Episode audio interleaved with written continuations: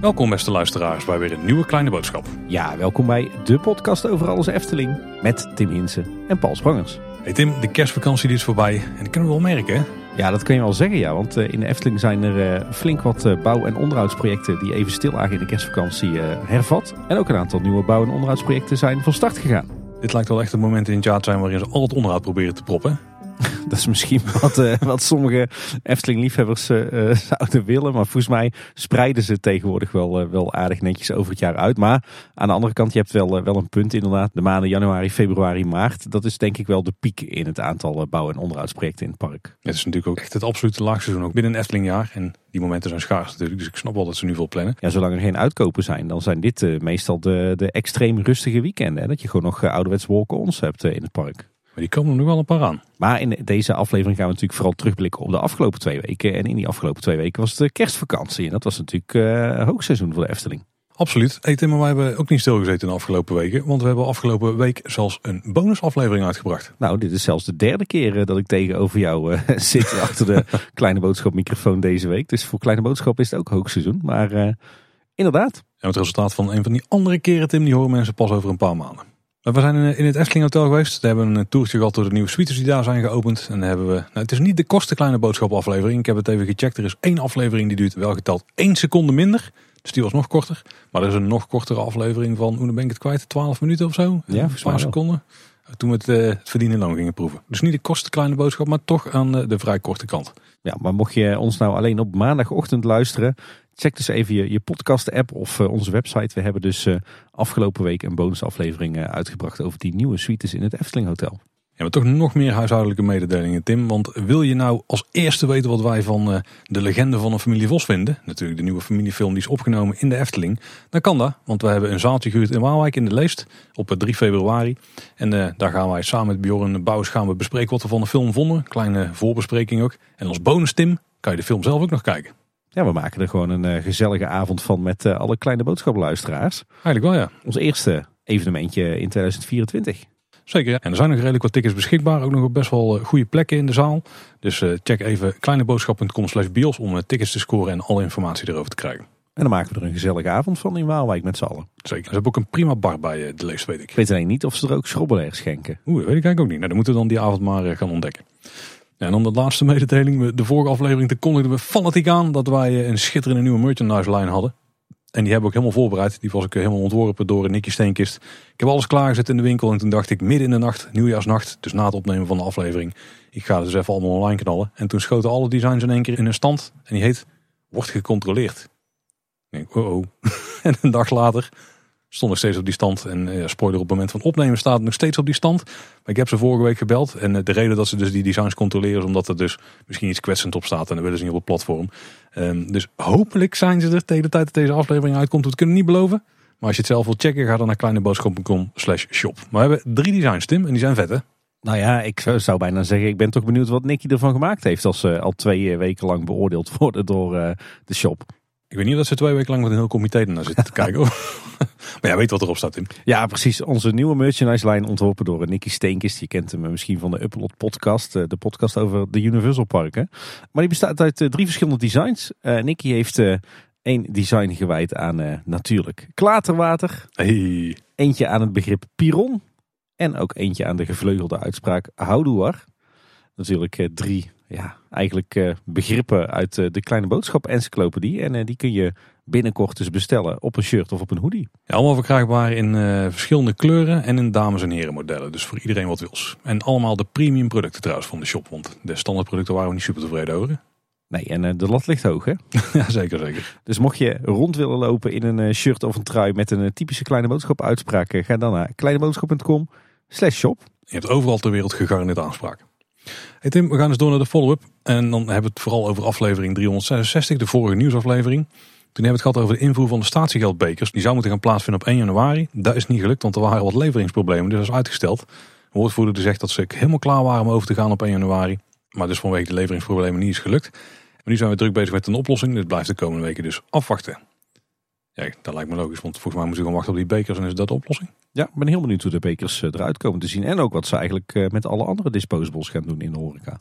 Ja, want het gaat nog wel veel meer dan alleen bekers. Hè? Al die bakjes, er zit ook allemaal een laagje plastic in. En dat mag niet meer. Nee. En ik heb nog iets tofs ontdekt. De vorige keer hadden we over het onderuit aan het lavelaar. En dat ze daar aan de kruidenspiraal gingen klussen. En toen hadden wij het er al over, heet dat ding een kruidenspiraal. Ik had het nog nooit eerder gehoord dat het eh, die naam had. Nou, ik dus ook niet. En wat blijkt, als je een term voor het eerst hoort, dan ga je die op heel veel plekken in één keer zien. Want ik zat bij mijn ouders door een random blaadje heen te bladeren.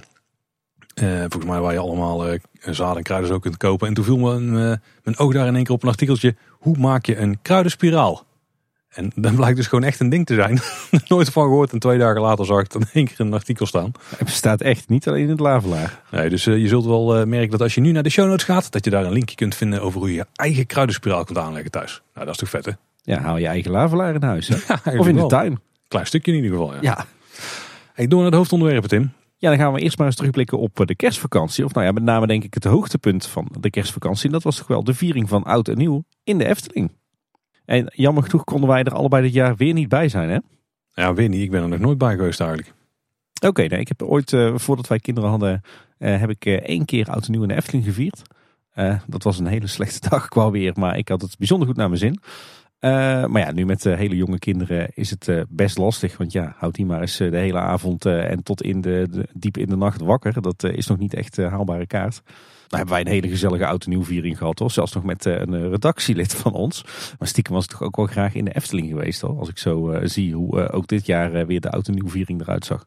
Ja, het was volgens iedereen die wij kennen en een hoop mensen die we online hebben gezien een enorm goede editie. Hè? Ja, vele malen beter dan oud en nieuw het jaar ervoor. Eh, hoorde ik verschillende mensen zeggen. Er leek ook wel flink wat verbeteringen te zijn doorgevoerd. Eh oliebol en champagne die kon je voorheen alleen maar krijgen bij de entree. Maar nu hadden ze die gewoon verspreid over zes horecalocaties in het park. Dus kon je krijgen bij de Smaakmaker, bij het Diorama, het Suikerhuis, de Meermin, de Oost en het Fata Morgana evenementencomplex. Ook mooi verspreid door het park. Heel slim inderdaad, om dat niet eh, te clusteren op één plek waar iedereen binnenkomt. Maar inderdaad eh, lekker te spreiden. Zat ik iedereen daar in de rij. En dat, is vooral, eh, dat was een bottleneck vorig jaar. Ik vond het wel een bijzondere term. Daar stond op bij al die verkooppunten inderdaad oliebollen en bubbels. En dat was vertaald al in het Engels als oliebollen en bubbly.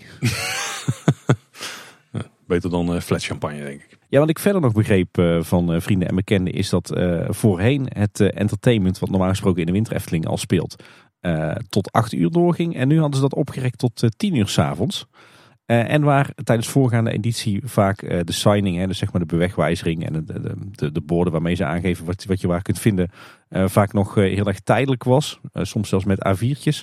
Hebben ze er nu voor gekozen om echt eh, nou ja, bijna permanente signing te maken, speciaal voor oud en nieuw. Die ze waarschijnlijk eh, volgend jaar ook weer gewoon terug kunnen plaatsen in het park. Dat zag er allemaal heel erg eh, professioneel en eh, gethematiseerd uit. Ook was er dit jaar een silent disco. Die vond plaats op het oude Piekplein. DJ die stond erbij achter de zoete inval. Je hebt natuurlijk een koptelefoon op waarmee je kunt schakelen tussen verschillende soorten muziek. En één kanaal had alleen maar Efteling muziek. Dat is vet hè? Ja, dat zou dan denk ik wel het, eh, het kanaal zijn eh, waar ik op eh, zou zitten. Ja, kun je dat- telefoon. Kun je dat niet hoeveel dan gedanst gaat worden. Ja, ligt aan de nummers natuurlijk. Hey, wat mij betreft misschien wel het hoogtepunt van, van oud en nieuw in de Efteling dit jaar. Waren toch wel de beelden die eigenlijk voorafgaand aan de vuurwerkshow te zien waren rond de Gondoletta-vijver tussen 7 en 11 uur. Ieder uur stond er een andere Efteling-klok centraal. Dus dat was meteen leuk natuurlijk voor de echte kenners om te achterhalen welke klok het dan eh, precies was. Eh, maar op de verschillende ledschermen rond de vijver eh, werden allerlei beelden getoond. Zo kon je kijken naar herinneringen aan eh, 2023. Waarbij eigenlijk allerlei ja, Efteling prominenten zou je kunnen zeggen. Hè? Dus bezoekers, personeel, personages uit het park hun herinneringen ophaalt aan het voorafgaande jaar. En daarna een, een lichtgevende waterlelie in de siervijver legde. En tegelijkertijd voeren de bootjes in de Gondolettenvijver ook rond met een aantal eh, Efteling figuren erin. Het zag er heel erg mooi uit. We zullen een linkje in de show notes plaatsen eh, naar een video van Eftel Wesley. En het was overigens ook zo dat bezoekers zelf tijdens het tonen van die beelden ook zo'n eh, lichtgevende waterlelie in de siervijver konden leggen. En eh, nou ja, op een gegeven moment ontstond er natuurlijk een heel tapijt van van die dobberende lichtgevende waterlelies. Een prachtig gezicht. Overigens niet nieuw, want tijdens een van de eh midzomernachtedities dreven die waterlelies ook op de siervijver. Wat je in die video's onder andere kon zien was Pardoes met een boodschap over herinneringen en fantasie. En die was deels opgenomen in symbolica. Ik weet niet of specifiek hiervoor gemaakte beelden waren of dat ze al eerder opnames hebben gemaakt. Maar er was in ieder geval een hoop zorg aan besteed. Ja, wel tof om echt een levende Pardoes in zijn thuis eigenlijk Nou, te zien. Hè? Wat ik dus vet vond, op een gegeven moment zit er ook een shotje in dat Pardoes ehm, eigenlijk achter de tafel loopt waar eh, de koninklijke familie zit te dineren. En dan staat hij naast Pardijn, wat natuurlijk een animatronic is. Maar dat past best goed, je trapt er echt in. Je denkt dat Pardijn dan in één keer ook een stuk echter is dan dat het werkelijk is een attractie. Ja. ja, en dan richting eh, uiteindelijk eh, het 12 uur moment eh, waren er nog wat andere beelden. Zo was er eh, vlak voor 12 uur een terugblik op 71 jaar Efteling. Waarbij ze eigenlijk ja, de ontwikkeling in Efteling van nu eh, terug richting eh, 1952 in beeld brachten. Eh, dus de tijd tikte als het ware terug naar het, eh, het openingsjaar. En eh, wat bijzonder is, is dat ze daar ook geen schroom hadden om een aantal verdwenen klassiekers te laten zien. Zoals eh, de Pegasus, Polka Marina, de Bob en zelfs het Spookslot kwam, eh, kwam voorbij.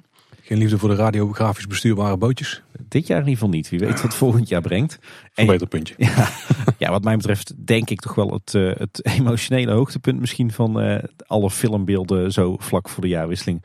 eh, was het moment waarop Pardoes de drie grondleggers van Efteling introduceerde. En natuurlijk Anton Pieck, Peter Reiners en Reinier van der Heijden.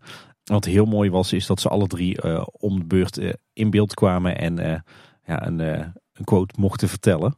Dat eh, zorgde bij mij bij het terugkijken wel eh, voor, eh, voor wat kippenvel. Ik weet niet of ik het droog had gehouden als ik daar bij de videoschermen had gestaan. Echt een ontzettend tof eerbetoon aan de geschiedenis en de grondleggers van de Efteling. En dat op, op oudjaarsavond. Wat is heel vet is dat hier echt enorm veel zorg aan is besteed. En dat zegt qua productiewaarde ze er een hoop in hebben geïnvesteerd voor iets wat je maar eenmalig gebruikt. Ja, tenminste, misschien gaan ze het in de toekomst nog een keer gebruiken.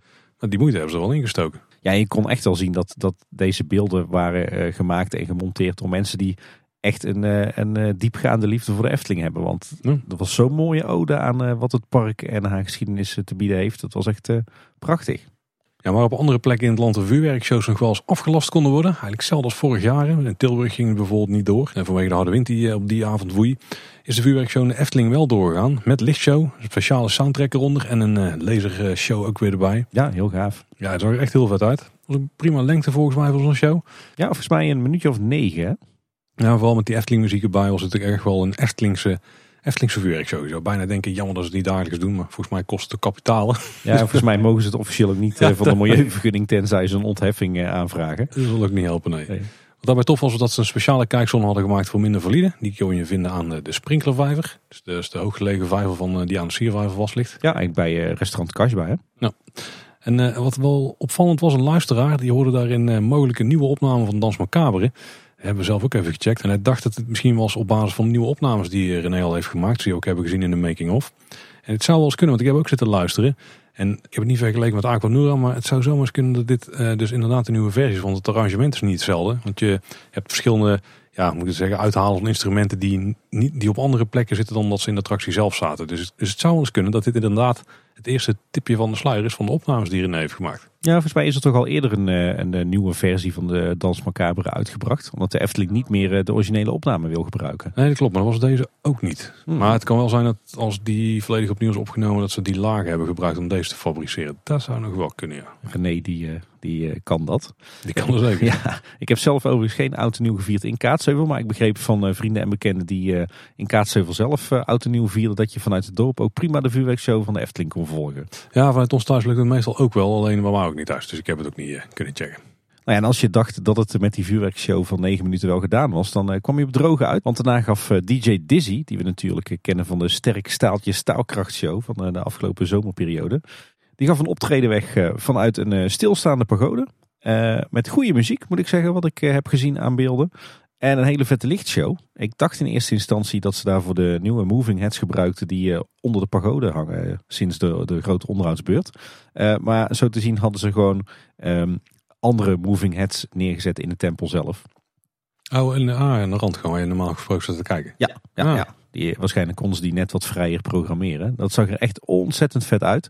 Wat extra tof was, is dat eh, er was natuurlijk ook een lichtshow rond de hele Gondoletta-vijver. En eh, de lichtshow rond de vijver en de lichtshow vanuit de pagode, die waren op elkaar afgestemd. Dus dat kwam allemaal denk ik vanuit één, eh, één lichtcomputer. En dat eh, zag er wel heel erg indrukwekkend uit op eh, diverse beelden. En allemaal synchroon op de muziek ook, hè? Ja. Ja, heel vet. Eigenlijk was eh, ja, de hele omgeving van de Gondoletta-vijver was gewoon één grote openluchtdisco eigenlijk. ik moet zeggen Tim, wij zijn er dus niet bij geweest. Maar alles wat ik ervan hoor, daar spreekt me wel enorm aan. En dit is ook van wat wij op afstand kunnen beoordelen. Echt wel, nou, ik weet niet of het de beste editie is. Want daar heb ik eigenlijk te weinig kennis van de allereerste editie en zo. Maar, maar dit is denk ik wel de manier hoe je oud en nieuw het mooiste kunt vieren in Efteling. Zeker. Nou, ik heb sowieso de indruk dat in ieder geval de grootste verbeterpunten van de afgelopen edities, dat ze die allemaal nu serieus hebben aangepakt. Uh, en ja, als ik dan die beelden zie, zeker van, uh, uh, van de sfeer rond de gondolettenvijver, het vuurwerk, die, die DJ's zetten daarna vanuit de pagode. Ja, dit is super indrukwekkend, super sfeervol. En de Efteling laat hier echt wel zien hoe ze een hard ticket event kunnen weggeven. Waarbij het park een, een prachtig canvas is voor, ja, toch voor dit soort evenementen. Ja, en ik moet toch toegeven, ik zou zo ontzettend graag mijn auto nieuw in de Efteling vieren. Als ik dan zie hoe dit eruit uitziet en aan toe gaat. Echt heel tof. Nou, ze moeten dus nog één ding verbeteren. In die video moeten nog de radiografisch bestuurbare bootjes komen. Dus misschien in de toekomst, Tim, als wij ooit gaan, dan is het echt helemaal perfect. Ja, en misschien dan uh, Kapelaan Rietra en Pastoor de Klein ook nog, hè? Oh dat, ze, oh, dat zou ook vet zijn. Dat ze die dan als van die... Uh, hebben ze ook wel eens met toepak gedaan of zo? Dat ze die als zo'n uh, hologram op een podium hebben getoverd. Als ze dat voor elkaar krijgen, Tim, nou, uh, staan wij voor aan. Dan hebben ze ons helemaal op. ja. Nou, ik denk sowieso als ik uit de nieuwe Efteling zou vieren, dat ik wel zou maken dat ik op zijn laatst om 11 uur bij de Gondolettenvijver zou zijn, hoor. Want... Ja, nee, dat hoort er wel bij. En dan van tevoren even de silent disco op het Antropiekplein. En een uh, oliebol en een bubbly halen. ja, precies. Lekker aan de bubbly. Nee, wat een tof evenement. Dit, uh, ja, wat mij betreft toont dit echt aan uh, wat de potentie is van de Efteling als evenementenlocatie. Of het nou is voor bedrijfsevenementen of voor ticket events of gewoon voor een zomer- of een winter Efteling.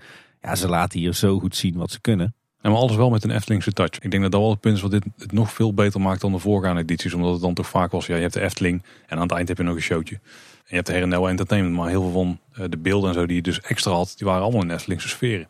Ja. Overal Eftelingse muziek onder. Dus je hebt ook, als je dan de silent disco gaat doen, dan kan dat ook met Eftelingse muziek.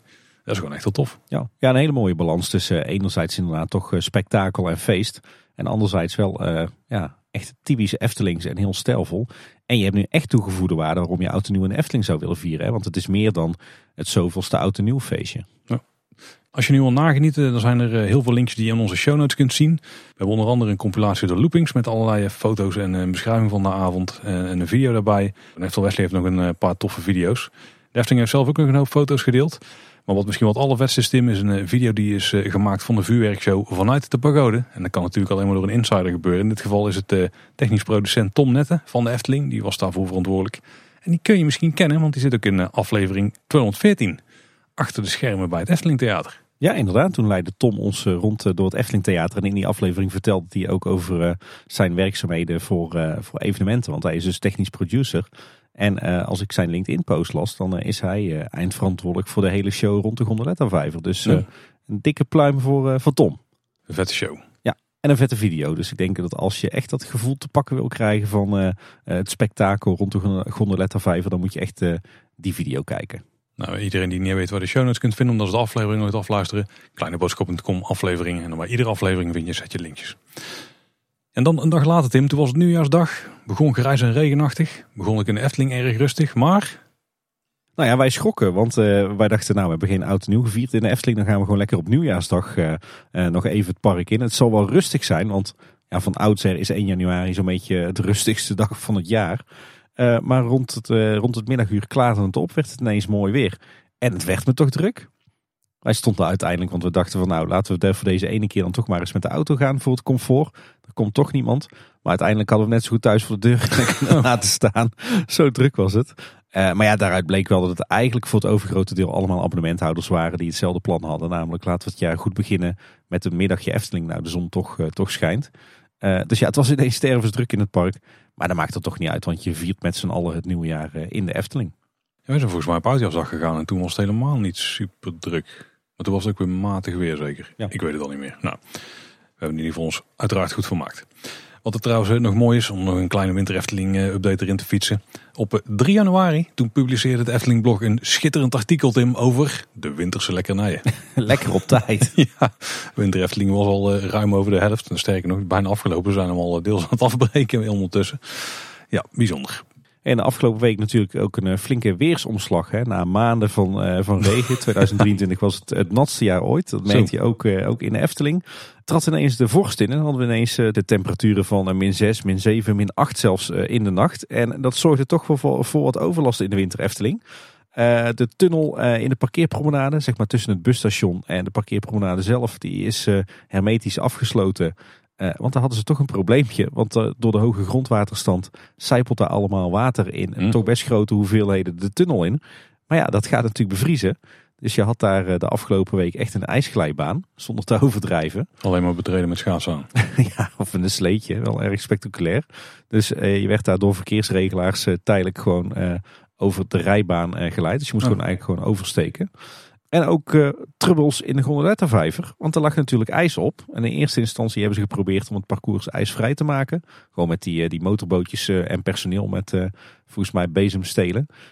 dat leek even te werken, maar uiteindelijk is de Gondoletta-vijver toch maar gesloten. Omdat de bootjes niet meer voor of achteruit konden. Ja, je moet hem continu laten draaien als je de ijs vrij wil houden. Ja. Werkt trouwens wel, denk ik. Hebben ze in het begin in de Winter Efteling wel gedaan. Hè? Zodra het ging vriezen, dan draaide de gondoletta gewoon dag en nacht. Zo. Had ik eigenlijk best wel willen zien. Wat het effect daarvan was geweest.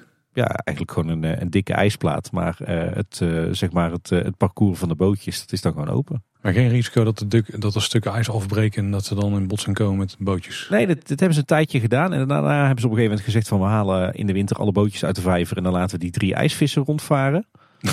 Die varen, ja. ja. ja. de afgelopen jaar is het natuurlijk zo dat de attractie in principe gewoon open blijft. Tenzij dat het te hard vriest. Ergens wel jammer, want ik kan me die prachtige foto's herinneren uit begin jaren 50. Dat er, uh, als het vroor, kon worden geschaatst op de siervijver. Hoe prachtig zou het zijn als dat uh, tegenwoordig nog eens zou kunnen. Dat had kunnen, afgelopen dagen denk ik. Alleen dan hadden ze misschien niet moeten proberen om de bootjes alsnog te laten draaien. Tim, je bent trouwens wel echt een schitterende titel voor een nieuw Suske Wiske album bedacht. Suske Wiske en de varende vissen. Nou, klinkt goed. Zeker. Kijk uit Willy van der Steen, al is hij al lang dood voor. ja. Hey, en dan uh, de grote verrassing van uh, de afgelopen week. Want uh, via Twitter-gebruiker Eftelv en iets later ook via Loopings... lekte uit dat de Efteling schijnbaar werkt aan de voorbereiding van een nieuw sprookje. De prinses op de echt. Misschien worden we erover gaan hebben, want het is heel vet dat ze daar voorbereiding voor aan het treffen zijn. Maar ik denk dat ze voor nou, misschien wel een handjevol andere sprookjes ook voor ooit voorbereiding hebben getroffen. En misschien iets met een achtbaan met een circus thema of zo, weet je wel. Het is een voorbereiding, dus niet 100% zeker dat het gaat komen. Maar de kans is wel aanwezig. Het is in ieder geval een, een hardnekkig gerucht. Als het, ja. uh, hè, want ze zeggen wel eens uh, één bron is geen bron. Maar als het uh, vrijwel gelijktijdig via Eftelvee en Loopings naar buiten komt, dan, ja, dan is de kans ook wel aanwezig dat dit echt een concreet plan is waar echt ook al, al hard aan gewerkt wordt. Ja, de realisatie van een sprookje die zou samenhangen met de opening van het Efteling Grand Hotel. Die uh, lijken hand in hand te moeten gaan. En het zou zelfs kunnen dat het, dat het sprookje wat eerder opent in 2024. En dan moeten we toch wel vlot een aankondiging krijgen. Want een sprookje realiseren in het Sprookjesbos kost ook al gauw een maand of negen tegenwoordig. Tenminste als ik even kijk naar Pinocchio en uh, de Zes was nog wat langer zelfs denk ik. Maar het lijkt wel bewust gekozen te zijn voor het thema slapen. Want zo kunnen ze het sprookje marketingtechnisch dus gaan koppelen aan het nieuwe hotel. Waar je natuurlijk ook gaat slapen. Hopelijk niet op een bed eh, met zulke matige matrassen. Of dat je zelf zo gevoelig bent dat, er, eh, dat je de echte onder voelt liggen. Ja. Het zou toch wel vet zijn als onder ieder matras een echt verstopt. Ja. wel een leuke gimmick. Een goede matrassensponsor ook regelen. Ja, in plaats van de, de muisjes in het Efteling Hotel, dan de echtjes in het Efteling Grand Hotel. is wel een stuk goedkoper denk ik om te maken. Uh, ja, maar je moet ze wel regelmatig vervangen. ja. ja, doen ze polyester dat is prima. Was ook wel interessant, want we zagen natuurlijk al eerder dat er sprookjes werden geopend op een, op een bepaald moment uh, met marketingtechnische doeleinden. Kijk maar naar uh, het meisje met de zwavelstokjes en vrouw Holle. Die openden natuurlijk allebei bewust in de winter om de winterefteling te promoten. Hm, goed punt, ja. Interessante combi. Het zou mogelijk kunnen zijn dat Karel Willem, de ontwerper van sprookjes, dat zou op zich denk ik mooi zijn. Die heeft heel veel van de renovatieprojecten in het uh, Sprookjesbos de laatste tijd natuurlijk begeleid. En ik denk dat hij zeer capabel is om een schitterend mooi sprookje aan het Sprookjesbos toe te voegen. Dus Absoluut. laat het maar komen. Ja, zeker. En ja, dat is eigenlijk alles wat we weten. Hè. De Efteling ja. die, die kan het gerucht niet bevestigen. Maar ja, hoe zou dit eruit komen te zien? Nou, voordat we daarover gaan hebben, Tim. Het is natuurlijk wel zo dat dit sprookje al in Efteling ooit een soort van te vinden was. Hè? Ja, in het Sprookjesmuseum bedoel je dan denk ik, hè? In de ja, vitrine. Dan lag uh, de echte op zo'n mooi vloerskussentje. Ja, met een, uh, een mooie tekening van Anton Pieker achter. Dus die heeft er al wat voor geschetst. Zouden we kunnen aannemen dat ze daar misschien op gaan teruggrijpen? Of was het schets iets te simpel om een sprookje op te baseren? Nou ja, de tekening van Piek bestaat natuurlijk uit een, een stapel, stapel matrassen in, in een hemelbed en een prinsesje. Ik denk dat dat wel de basis is die we sowieso gaan terugzien in het sprookje. Ik ben dus benieuwd, want eh, de tekening van Piek heb je een stapel matrassen van, even kijken, vijf matrassen, ik heb meer voor mijn neus. En waar dan de prinses op zit. Zou dit indrukwekkend genoeg zijn om uit te beelden als sprookje? Dat zou prima kunnen met de vertelling erbij en uh, een lichtbeweging en animation. Ik denk dat je al een heel aan komt. Nou, ik denk dat het ook wel een keer uh, lekker is om niet een, uh, een enorm uitgebreide show te hebben. Zoals we die kennen uit de Chinese nachtegaal of assenpoester. Maar gewoon weer een, een simpel, stijlvol, ouderwets kijksprookje. Ja, een beetje een schaalrood kapje of zo. Ja, ja, inderdaad. En ik denk dat dit sprookje zich daar ook echt wel voor leent. Want ja, de basis is gewoon helder. Het is een bed met matrassen, een echtje en een prinses. ik stelde me eerst voor dat dit dus best wel een hoge stapel, ja, dan wordt het bijna kachtinesk misschien zou gaan worden. En toen was ik me af te vragen, als je echt een stapel wil hebben van twee meter aan matrassen, hoe gaat dat dan in de praktijk werken? Ga je dan vanaf een verhoging naar kijken of zo? Maar in de tekening van Piek ligt de prinses op een meter hoogte, denk ik. Als de matras vanaf de grond gestapeld worden, dan zou het wel kunnen. Maar stel je het wel een wat hogere stapel, dan zou het natuurlijk kunnen zijn dat de prinses over de rand heen kijkt. Dan heb je dus een hele stapel polyester matras of zo waar je dan uh, techniek in kunt verstoppen. Ja. Ook wel iets voor te zeggen Maar dat kan natuurlijk nu nog steeds.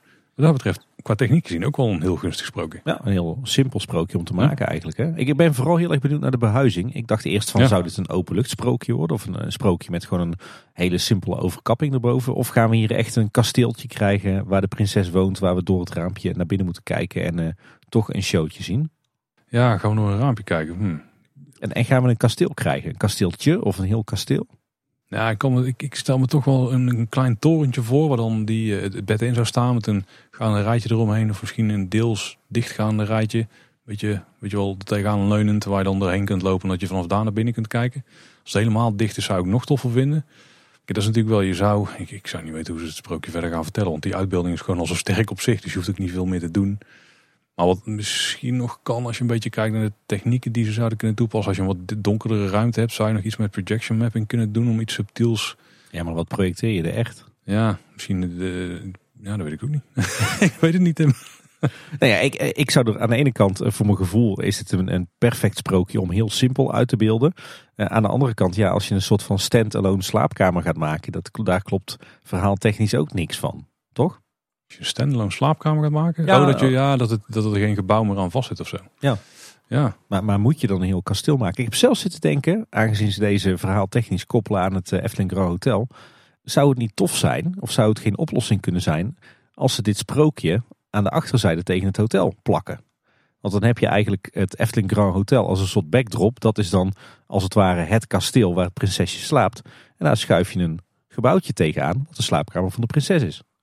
Ja, alleen dan zou het Sprookjesbos heel dicht tegen het Efteling Grand Hotel aan moeten komen liggen. Dat komt toch ook? Ja, maar niet dat je echt gewoon zeg maar, het hotel kunt aanraken met je hand. Nee, dat is waar trouwens. Er ligt natuurlijk nog een spoorlijn tussen. Ook nog, ja? Ja. ja. dat, gaat in de praktijk niet gebeuren. Maar die impressie kunnen ze misschien wel wekken. Ja, dat je een beetje, bijna een beetje Disney kasteel in Hongkong krijgt, dat effect. Ja, zoiets. Maar dan moet het vrij dicht bij het spoor staan.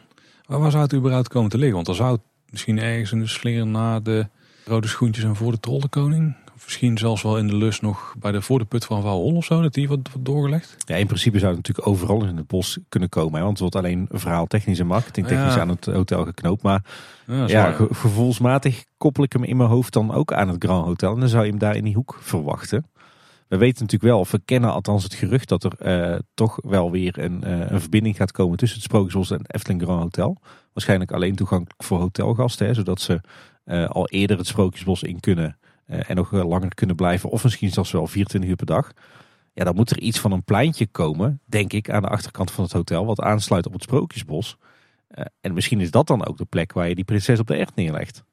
En dan kom je inderdaad uit in die hoek van uh, Vrouwenholle, Trollenkoning en Rode Schoentjes. Dan zou het sprookje als het ware op de plek kunnen komen waar vroeger de centrale kas lag. Maar dan misschien aan, aan de Sprookjesboskant van de spoorlijn.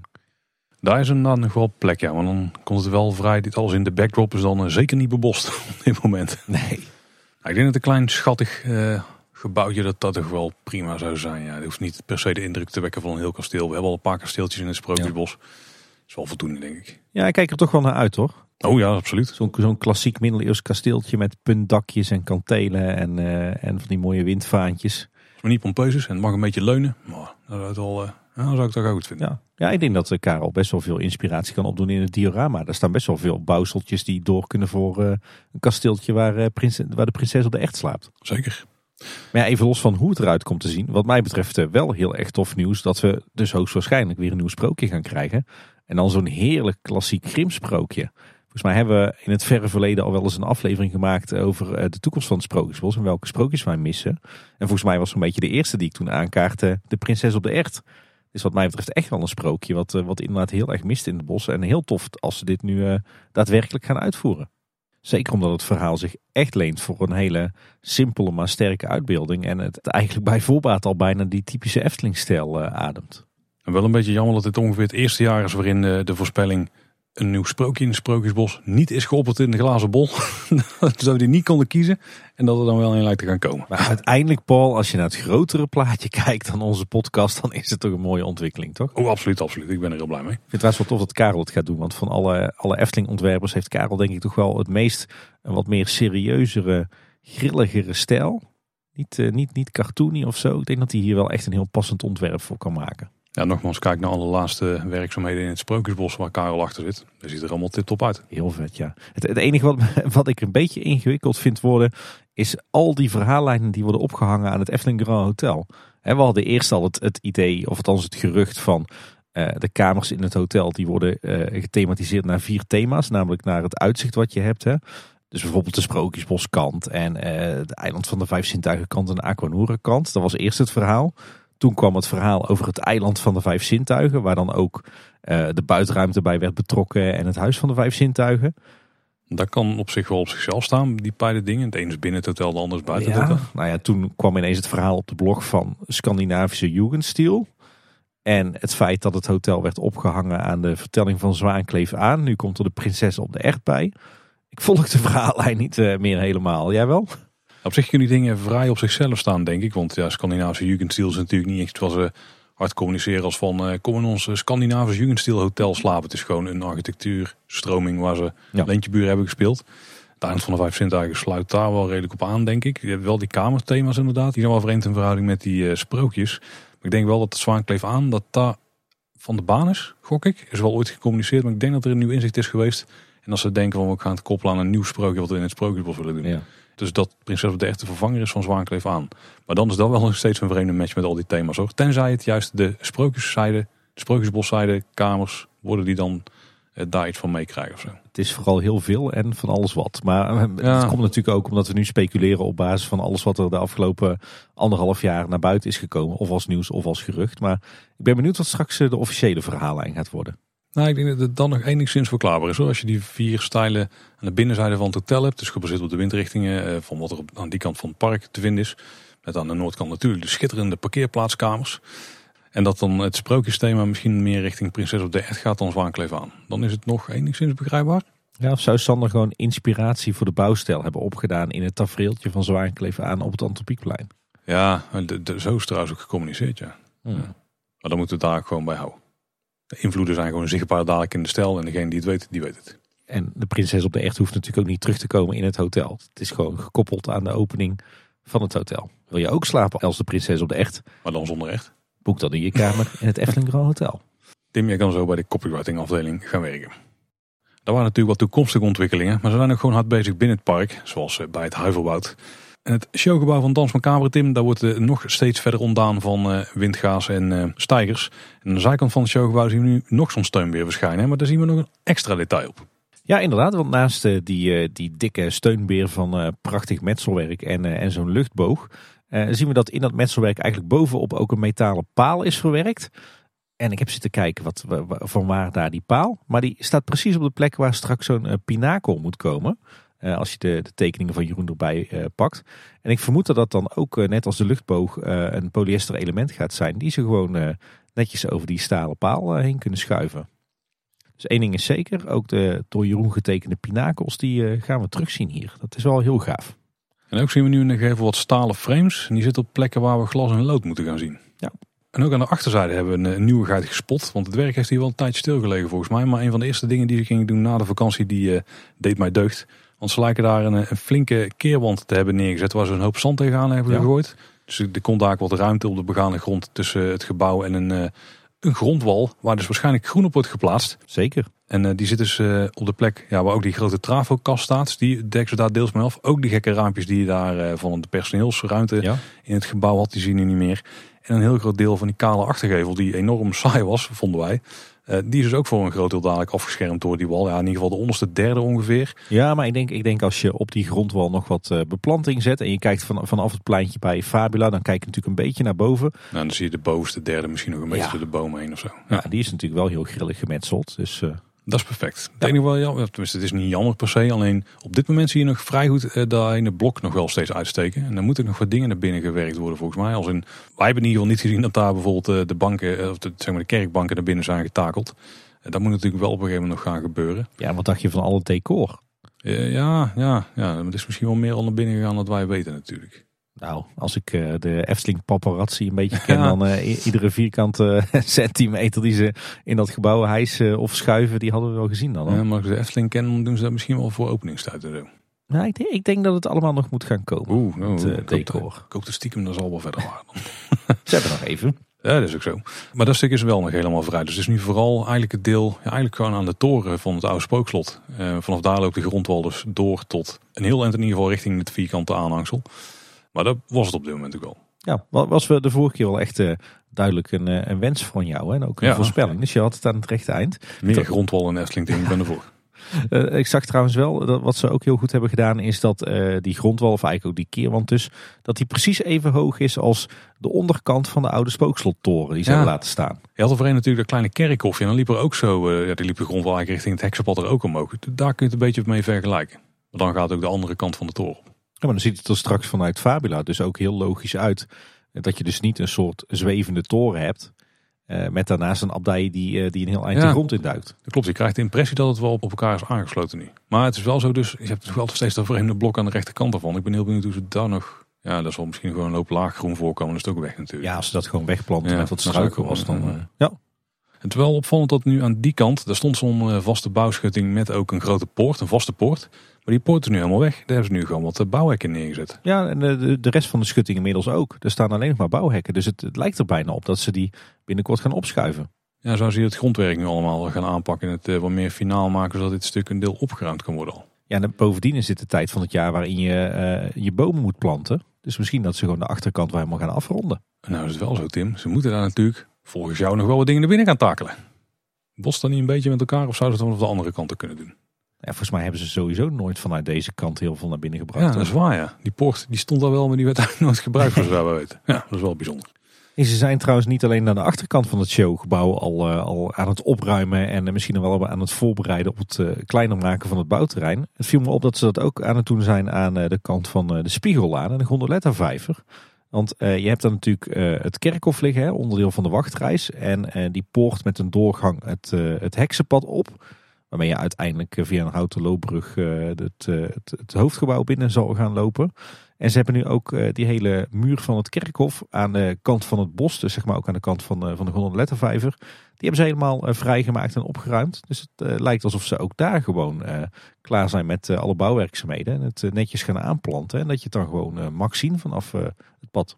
En daar ben ik wel blij mee dat ze nu al gaan aanplanten. Want wat je toch vaak ziet bij dit soort projecten, dat ze, ja, ze een maand of twee van tevoren pas de eerste planten de grond in stoppen. En dan ziet het toch altijd een beetje te schoon uit op het moment dat, eh, ja, dat, dat het echt open gaat. Maar dadelijk hebben we al iets meer aangegroeid. Het zal natuurlijk niet meteen wel uit de grond schieten, maar een iets meer eh, ja, langer bestaand gebiedje krijg je dan. Ja, en bovendien, hè, ze we weten natuurlijk dat ze eh, in oktober 2024 de attractie willen openen.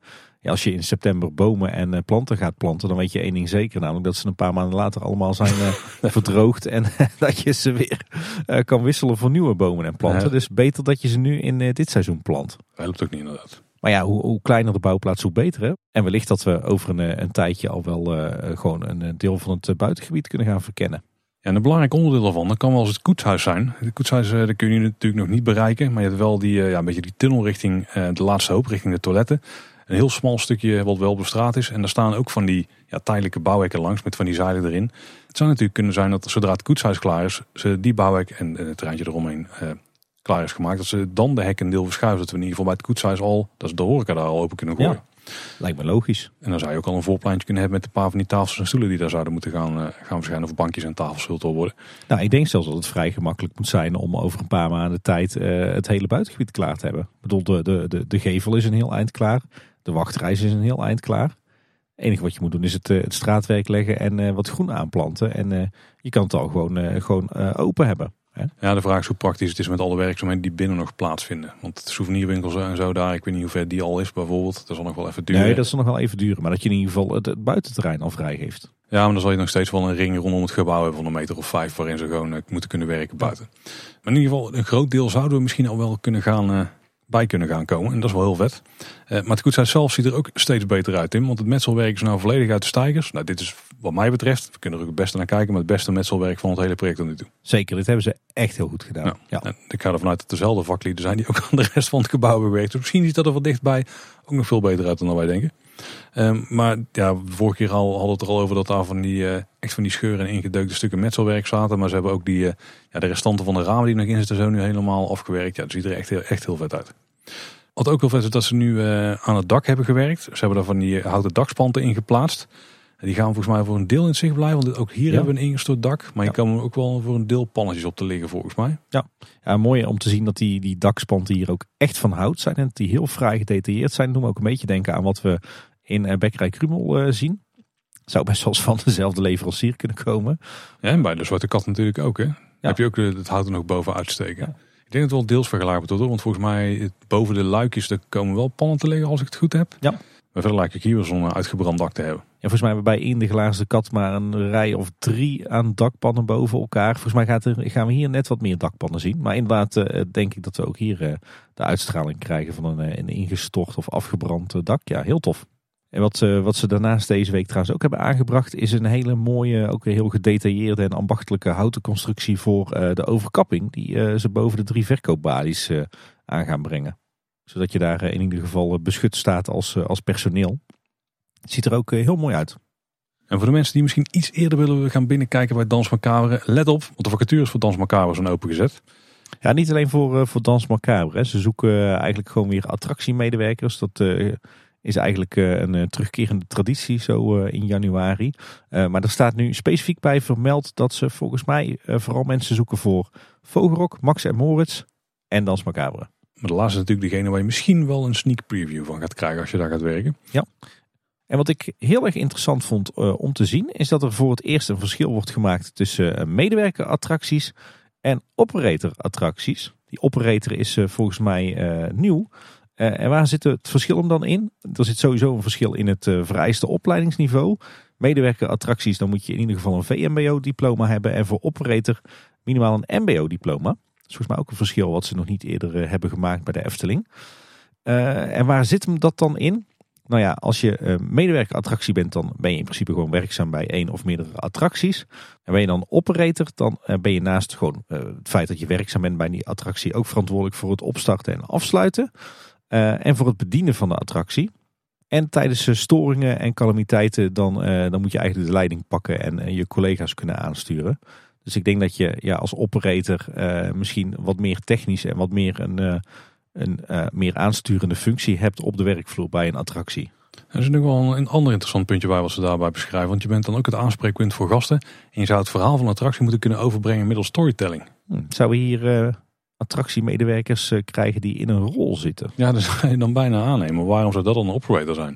Dat is toch wel een meer technisch deel. Volgens mij eh, komt dit ook uh, voor in de vacaturetekst voor gewoon medewerkerattracties. Ah, oké. Maar ook, ook, dat is wel een nieuw element. Ja, dat zagen we de jaren hiervoor niet verschijnen in uh, vacatures. Dus misschien komt dat wel voort uit de Dans Macabre. Dat is op zich wel bijzonder, want vroeger was het zo dat de technische dienst al opstartte en uh, het afsluiten van attracties deed. Dan had je gewoon attractiemedewerkers en die deden ja, gewoon de, de dagelijkse operatie, zeg maar. Nou, dat is wel heel lang geleden hoor. Volgens mij is het al sinds de jaren negentig dat, uh, dat attractiepersoneel het, het opstarten en afsluiten doet. Nou, daar wilde ik naartoe gaan. Want daarna hebben ze er dus gewoon een gedeelte verantwoordelijkheid van gemaakt voor alle attractiepersoneel. Maar nu gaan ze daar toch weer een schifting in maken. Dat je dus een deel hebt wat echt puur, uh, of wat die opstart dan specifiek doet en het afsluiten. Dus dat niet ieder personeelslid dan meer per se doet als je de juiste papieren dan hebt. Dat niet iedereen op die knop mag houden om een attractie aan te zetten op dit moment. Maar... Ja, ze brengen toch een bepaald soort gelaagdheid of hiërarchie aan in het uh, attractiepersoneel. Ja, kijk, met, die, met het vereiste opleidingsniveau VMBO heb je natuurlijk veel vlotter afgerond dan een MBO-opleiding. Dus misschien dat ze daarmee ook wat jonger personeel makkelijker kunnen aantrekken om dan toch bij attracties te staan of zo. Ja, of misschien dat ze inderdaad wel een, een breder publiek kunnen aanspreken voor de vacatures. Ja. Zoiets, ja. Op zich wel begrijpelijk hoor. Ja, Tim, en dan misschien door naar de grootste verrassing van deze aflevering. Want we hebben een, redelijke update over het Efteling Grand Hotel. Nogal ja. Wordt, eh, de kerstvakantie was voorbij en eh, ineens wordt er gebouwd aan het Efteling Grand Hotel. Ja, sowieso verwachten we dat daar eigenlijk voor het eind van de maand wel eh, grote werkzaamheden gaan plaatsvinden. Maar we kunnen heel wat vertellen rondom het eh, Efteling Grand Hotel en met name rondom het Efteling Grand Hotel. Tim. Nou ja, dat, dat zeg jij wel, maar eh, er werd, wordt zelfs al gebouwd aan het hotel zelf. Technisch gezien is er ook nog steeds rondom het hotel zelf. Dat is waar. Nee, want we zagen de, deze week eh, ineens eh, maar liefst vier staalconstructies verschijnen voor de daken op de torens van het Efteling Grand Hotel.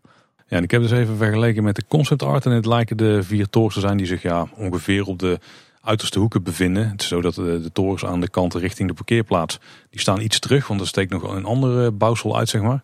Eh, maar daar lijken deze voor te zijn, want die zijn ongeveer hetzelfde. En die zijn er vier. Dus eh, dit de straalconstructies daar wel voor zijn, denk ik. Ja, ja, ze hadden ook een beetje dezelfde vorm, hè? Als Ja. we zien op de tekeningen. Dat is al ruim op tijd, want die dingen moeten uiteindelijk bovenop het geheel geplaatst worden. Maar het geheel staat er nog niet. Nee. Nee, nou, ik denk wel dat ze dat niet voor niks doen. Kijk, sowieso zal denk ik de, de staalleverancier zeggen van... kan ik onderhand eens een keer aan de gang bij dat hotel? Nee, maar ik, ik denk dat ze deze, de- deze nu hebben opgebouwd... omdat ze die natuurlijk eh, netjes naast de bouwplaats op het gemak kunnen opbouwen. En ja, hier moet natuurlijk de rest van de toren nog overheen. Hè? Dus het dakbeschot en het, eh, het koper en de Ja. pironnen en eh, wat dan niet meer. En weet je wat dat betekent, Tim? Een torenstraat. Een torenstraat, het nieuwe jaar. Ja, net als bij Symbolica. Zeker vet. En we zagen volgens mij laatst al een soort sample voorbij komen van een soort koperafwerking met daarin ook weer Eftelingse krullen. Nou, er zijn natuurlijk ook mini-torentjes nog. Die zitten op het, eh, ja, het hoofdvolume in het midden, zeg maar. Daar zitten er twee op. Misschien dat die daar al wel zelfs voor waren. In ieder geval goed dat ze hier wat aan het vooruitwerken zijn. Want als het inderdaad zo is dat aan het eind van deze maand dat ze volle bak beginnen met de prefab betonconstructie en de prefab gevels. Ja, dan ben je zo op hoogte hoor. Ja, volgens mij is het wel zo dat die torens puur decoratief zijn. Misschien dat er wat eh, luchtbehandeling of zo onder komt te staan. Maar Ja. hier gaan geen kamers of zo eh, onder te vinden zijn. Zoals bij het Efteling Hotel wel eens natuurlijk. We hebben het afgelopen week nog kunnen aanschouwen. Ze zouden in theorie vrij vlot kunnen klussen. Maar dat is eigenlijk niet heel veel anders dan dat bij Symbolica was natuurlijk. Heel gaaf om te zien dat de bouw nu echt begonnen is. Althans het til boven het maaiveld. Ja, zeker. We gaan naar verticaal, zou eh, Ralf van Detail zeggen. Nou, zeker. Hey, maar er gebeurt nog veel meer rondom het Efteling Grand Hotel. Nogmaals, rondom het Efteling Grand Hotel. Want in één keer was daar een blogbericht over eh, een opfrisbeurt van eh, de entree. Maar ook eigenlijk het hele eiland van de Vijf Sintuigen was toch wel een doorlopend thema erin. Want ja, we hebben natuurlijk die, eh, die wandelwagen voor u zien verrijzen. Eigenlijk vast aan de toiletgroep die al onder het Huis van de Vijf Sintuigen zit. Maar dat blijkt niet enig te zijn wat er gaat gebeuren. Want de indeling van eh, alles onder het Huis van de Vijf Sintuigen gaat grondig op de schop. Ja, en zelfs inclusief de Efteldingen. Uiteindelijk ook nog, ja. Nou, ja, daar hebben ze nu nog niks van gedeeld. Behalve dan het feit dat op een later moment ook de Efteldingen een opknapbeurt krijgt. Maar inderdaad, in deze update op de blog eh, hebben ze vooral wat verteld over de nieuwe indeling van het Huis van de Vijf Zintuigen. Want wat gaat er gebeuren? De kaartcontrole wordt verhuisd. Er komt een nieuwe kaartcontrole eh, ongeveer ja, in het midden van het huis te staan, hè? onder de rieten kap. Ja, dat klopt. Want als we globaal even de indeling van eh, het nieuwe Huis van de Vijf Sintuigen daar gaan bekijken, dan houden we links wel de gastenservice. Maar daar komt ook een, eh, een ruime meandering bij met twee rijen. Eén voor tickets en informatie en eentje specifiek voor abonnementhouders. Absoluut geen overbodige luxe, want dat is nu toch wel vaak een, een gedring tussen die paaltjes met touwtjes. Daar kan het druk zijn, maar er komt gewoon een vaste meandering voor. Dus dat is wel heel chic. Dan krijg je in het midden, eigenlijk eh, om het kraaiennest heen, krijg je ja, rechte rijen waar je kunt wachten voor de kaartcontrole. Nou, die kaartcontrole is dus daarmee een stuk naar voren gehaald, want die vindt echt plaats midden onder het Huis van de Vijf Sintuigen. Onder die, eh, die brug eigenlijk eh, die daar loopt. Ja, we krijgen daar honderdduizend eh controlepoortjes, lijkt het wel, als je de 3D-render bekijkt. Het worden er eh, tot twee keer zoveel als ze op dit moment kunnen hebben, begrijp ik. Nou, overigens is dat ook echt wel een uitkomst dat we hier eh, dus die wachtrijen gaan krijgen. Want het is nu zo chaos ochtends in het huis van de vijf zintuigen. Er wordt zoveel voorgedrongen en dat levert zoveel frustratie en agressie op. Dat dit echt wel eh, gaat helpen dat we hier straks gewoon eh, netjes rijen krijgen die zijn afgebakend met eh meanderinghekjes. En het natuurlijk dan drukker gaat worden rondom de pennenveer. Misschien is dat ook wel de reden dat ze een voorpleintje nodig hebben. Daar zagen we toen een beetje, of daar konden we door de oogharen heen zien op de parkeerplaatstekening. Dat daar zo'n ruitvormig voorplein nog zou komen. Rondom de toiletten zeg maar en voor de poort nog. Misschien wordt dat dan meer het verzamelplein straks. Staat heel de meute te wachten op het voorplein van het Huis van de Vijf Sintuigen. Om naar binnen te kunnen voor de kaartcontrole. Want Nou, ik mag hopen dat de rijen juist korter worden, toch? Als je meer controle ja, dat is waar. Dat is waar. Als er veel volk op afkomt, dan moet je ook nog wel veel doorheen eh, slingeren. In ieder geval is het wel mooi om te zien, want nu is natuurlijk de, zijn de controlepoortjes echt de bottleneck van het Huis van de Vijf Zintuigen. En nu gaan ze echt het gebouw over de volle breedte benutten om mensen binnen te laten. Ja, dat betekent ook dat je het park dus technisch gezien een paar meter eerder betreedt nu. Al hadden we natuurlijk eigenlijk deze kaartcontrole in de optimale variant in de arcade van het Efteling Grand Hotel willen zien. Hè? Ja, maar dat was wel een stuk krapper geweest. Nu, nu gaan ze wel veel meer punten kunnen creëren waar je de tickets kunt controleren dan dat daar mogelijk was geweest. Hoor. Ja, toch heb ik nog steeds dat droombeeld van ingangpark bij de spoorweg over. Zo mag je het nog steeds eh, officieel zien. Ingang tot het Eftelingpark ligt daar. We hebben de indeling natuurlijk nog niet afgerond, want we hebben ook nog de rechterkant van het Huis van de Vijf Zintuigen. En omdat heel de ticketcontrole een stuk naar voren komt, komt de nieuwe wandelwagenverhuur die eh, gebouwd wordt, komt eigenlijk achter de ticketcontrole te liggen. En het, de toiletten daar die blijven nog steeds voor liggen. Dus daar ligt die scheiding ongeveer dadelijk. Wel slim, want er worden geen wandelwagens meer mee naar huis genomen. Nee, die moeten dan gewoon binnen het park blijven. Ja. Ja. Ik ben wel benieuwd hoe dat dan gaat werken eh, s ochtends. Want dan kan het daar natuurlijk vrij druk zijn met mensen die een kaartje moeten laten controleren. En dan, kan, dat, dan heb je ook altijd mensen die wachten na de kaartcontrole. Dan krijg je daar misschien een lichte bottleneck. Maar ja, hoeveel van die wandelwagens worden verhuurd op een dag? 150 of zo? Hoeveel hebben ze er? Ik heb geen idee. Geen idee. Nee. Die worden trouwens ook voor een groot deel opgeknapt, hè, die wagentjes. Daar Ja. wordt eh, een hoop in gerenoveerd, dat is cool. En ik ben ook wel benieuwd hoe het met de groepskassers gaat werken eigenlijk. Ja, die worden ook al bijna niet meer gebruikt, toch? Ja, ik zeg de groepskassers, de groepsingang bedoel ik eigenlijk. Want er zou dan gewoon misschien een van die, eh, van die rechte wachtrijtjes, of één tot acht of zo van die dingen worden, voor worden opgeofferd als het een keer nodig is. Ja, lijkt me wel. Dat ze flexibel kunnen inzetten. Dat is globaal de inrichting, maar hoe gaat het dan uitzien, Tim? Nou ja, het hele Huis van de Vijf Zintuigen krijgt ook een nieuwe kleurstelling. Zoals wij eigenlijk al een beetje op basis van de geruchten verwachten. Want de kleurstelling die we nu zien bij eh, die nieuwe wandelwagenverhuur. eh, namelijk de verschillende blauw slash groen tinten met gouden accenten. Die gaan we terugzien in het hele Huis van de Vijf Zintuigen. En in de toekomst ook in de Efteldingen. En dat is een bewuste keuze. Want het sluit mooi aan op de groene geoxideerde koperen daken. En de serre van het eh, Efteling Grand Hotel. Dus zo gaan ze het Huis van de Vijf Zintuigen en het Efteling Grand Hotel eh, als het ware aan elkaar koppelen binnen dat eiland van de vijf zintuigen. Ja, we waren de vorige keer, de voorgaande keren nog een beetje sceptisch over die kleurstelling daar. Alleen ze hebben er inmiddels weer een laag verf overheen gezet. En ik moet zeggen dat het nu toch best wel chic uit gaat zien. En eh, zeker met de impressietekeningen die we er ook nog bij hebben gekregen, heb ik er eigenlijk wel vertrouwen in. Joh. Ik denk dat het best wel chic gaat worden. Ja, hij is nu netjes inderdaad uh, hoogglans afgelakt. Je ziet niet meer die houtstructuur Nee, van het plaatmateriaal. Dus eh, de wandelwagenverhuur ziet er ineens ook eh, wat meer eh, permanent uit. Maar eh, ja, een mooie stijlvolle kleurencombinatie Ja. denk ik. Ja. Overigens krijgen we ook een eh, nieuwe pui in het Huis van de Vijf Zintuigen met uh, entreedeuren. Die krijgen ook diezelfde mooie kleurstelling met die, die groen-blauw tinten en gouden accenten. Met ook wat meer beleving, schrijft de Efteling zelf. En een duidelijke in- en uitgang. Iets wat we alleen nog niet weten is of het nou gaat om het vervangen van die nu donkerrode puien links en rechts van de huidige controlepoortjes. Of dat op de, op de plek waar nu nog de controlepoortjes zijn, die straks dus gaan verdwijnen. Of dat daar een derde pui gaat komen. Ja, dat zou wel enorm worden met een hoop deuren erin. Ja, die moet je allemaal overzetten om de doorstroom van de bezoekers eh, een beetje in banen te leiden. Waar ik zelf nu wel vooral benieuwd naar ben, is hoe het dan gaat met de controleplekken voor de medewerkers. Want als je het nu ziet, dan heb je, want er zat een, een 3D-render bij van hoe dat eruit zou komen, kunnen komen te zien. Eh, de, de gebouwtjes erin die waren vrij rudimentair, maar de poortjes stonden er allemaal netjes op ingetekend, alle hekjes en zo. Het, het leek bijna eh, gewoon een 3D-model voor de staalbouwer. Ja, nou, dat is inderdaad wel een goeie. Oh, maar dat zou mooi zijn, want dan zou het nog steeds kunnen betekenen dat er eh, iets van dichtere houten hokjes zijn waar medewerkers in kunnen staan om te gaan controleren. Want zoiets mis ik nu nog wel. Het Huis van de Vijf Zintuigen kan een enorm tochtgat zijn. Ja. Als je daar middenin staat en je hebt niet die bescherming, dan sta je er als personeelslid niet fijn hoor. Dus ik hoop dat ze daar nog wel iets voor kunnen fixen. Maar hoe dat dan precies ging passen tussen al die metalen hekjes en zo was me niet helemaal duidelijk. Nee, de- er was ook niet echt ruimte voor gereserveerd, leek het wel. Nou ja, of, of twee van die eh, wachtrijtjes die zouden moeten uitkomen bij één controlepoortje. Maar dan wordt het ook weer dring. Dan hebben ze misschien wel minder nut. Hm. Dit wordt eh, afwachten. Ja, maar er gaan in ieder geval eh, een hoop werkzaamheden plaatsvinden. En eh, ik denk dat veel een verbetering gaat worden. Zeker. Overigens is nu dus ook bevestigd dat de wandelwagenverhuur eh, wordt verplaatst naar de entree. Er komen ook meer wandelwagens. En wat je al zei, Paul, een groot deel van de huidige wandelwagens wordt eh, gerenoveerd. Eh Efting merkt er wel bij op dat de uitleen van rolstoelen, het verhuur van scootmobielen en de uitgifte van souvenirs in het servicegebouw blijft aan de parkeerpromenade. Maar ja, ze geven hier eigenlijk wel mee toe dat ze terugkomen op hun besluit om de wandelwagenverhuur naar het eh, servicegebouw te verplaatsen. Ja, dat klopt inderdaad. Maar dan heb je daar wel zo'n chic servicegebouw staan en dan doe je daar wat minder mee. Misschien kunnen ze er gewoon een hondenkennel erin voeren. Precies. Die nieuwe indeling die biedt trouwens ook de mogelijkheid om een deel van de gastenservice binnen de parkgrenzen te laten vallen. En dat is natuurlijk ook wel een wens die er altijd is geweest. Ja. Want de ticketcontrole, als je die lijn doortrekt, dan eindigt die ongeveer in het midden van de gastenservice. Maar met één of twee luikers dus aan de parkzijde gaan komen. En ze hebben een hele tijd geleden aan de linkerkant ook wat luikjes bijgemaakt. Dus ook dat was misschien al wel een voorbode op dit. Dat zou een hele slimme functionele optimalisatie zijn, ja. En wat er trouwens ook nog opviel, want er zat zo'n impressietekeningetje bij. En uiteindelijk kreeg ik daar zelfs een high resolutie versie van. Er staat een, eh, een nou, flink aangeklede bakfiets op. ja, hij is wel weer lekker overdadig eh, aangekleed op zijn Eftelings. En ik zal me in eerste instantie af te vragen, wat dient dat ding nou voor? Er leken wel wat bakken in te staan waar ook platte grondjes in konden eh, staan. Dus dat het een platte gronduitgiftepunt zou worden. Maar er staat ook nog wat uh, andere tierlantijnen aan vast. Er zit er een, uh, ja, in de basis horizontaal georiënteerd bord op. Maar die kun je dan blijkbaar kantelen. En dan wordt het zo'n meetlat voor de attracties. Verklaart misschien ook waarom die het laatst verwijderd zijn. Zou het dan ook zo zijn dat je voortaan na binnenkomst park dat je jezelf laat meten en daar je bandje krijgt? Ja, ik denk dus dat er wel een medewerker bij komt staan. Want in het midden van die eh, bakfiets staat een soort paal. Met uh, lijkt wat vaandeltjes aanhangen van vlaggen. Maar er zitten ook wat hendels onderaan. En het lijkt erop dat je als je aan die hendels trekt.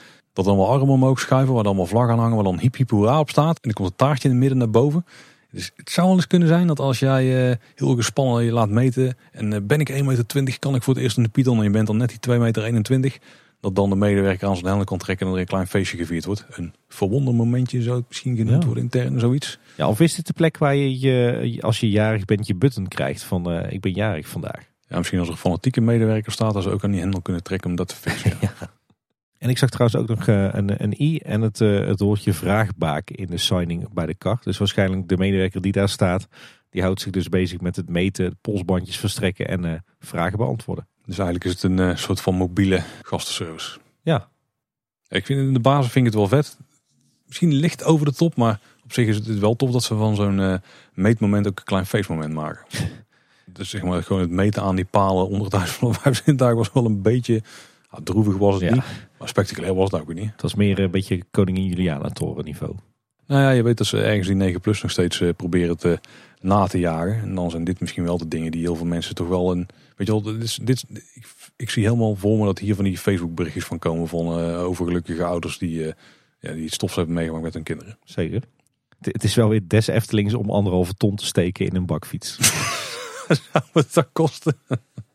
het zou maar niks verbazen als ik eh, de, de, tekening zou. Dan hoop ik dat er wel goede banden op zitten. Een beetje in lijn met de, de smaakmaker, wat volgens mij ook de meest dure worstenkar in Nederland is. dat zou zomaar kunnen, ja.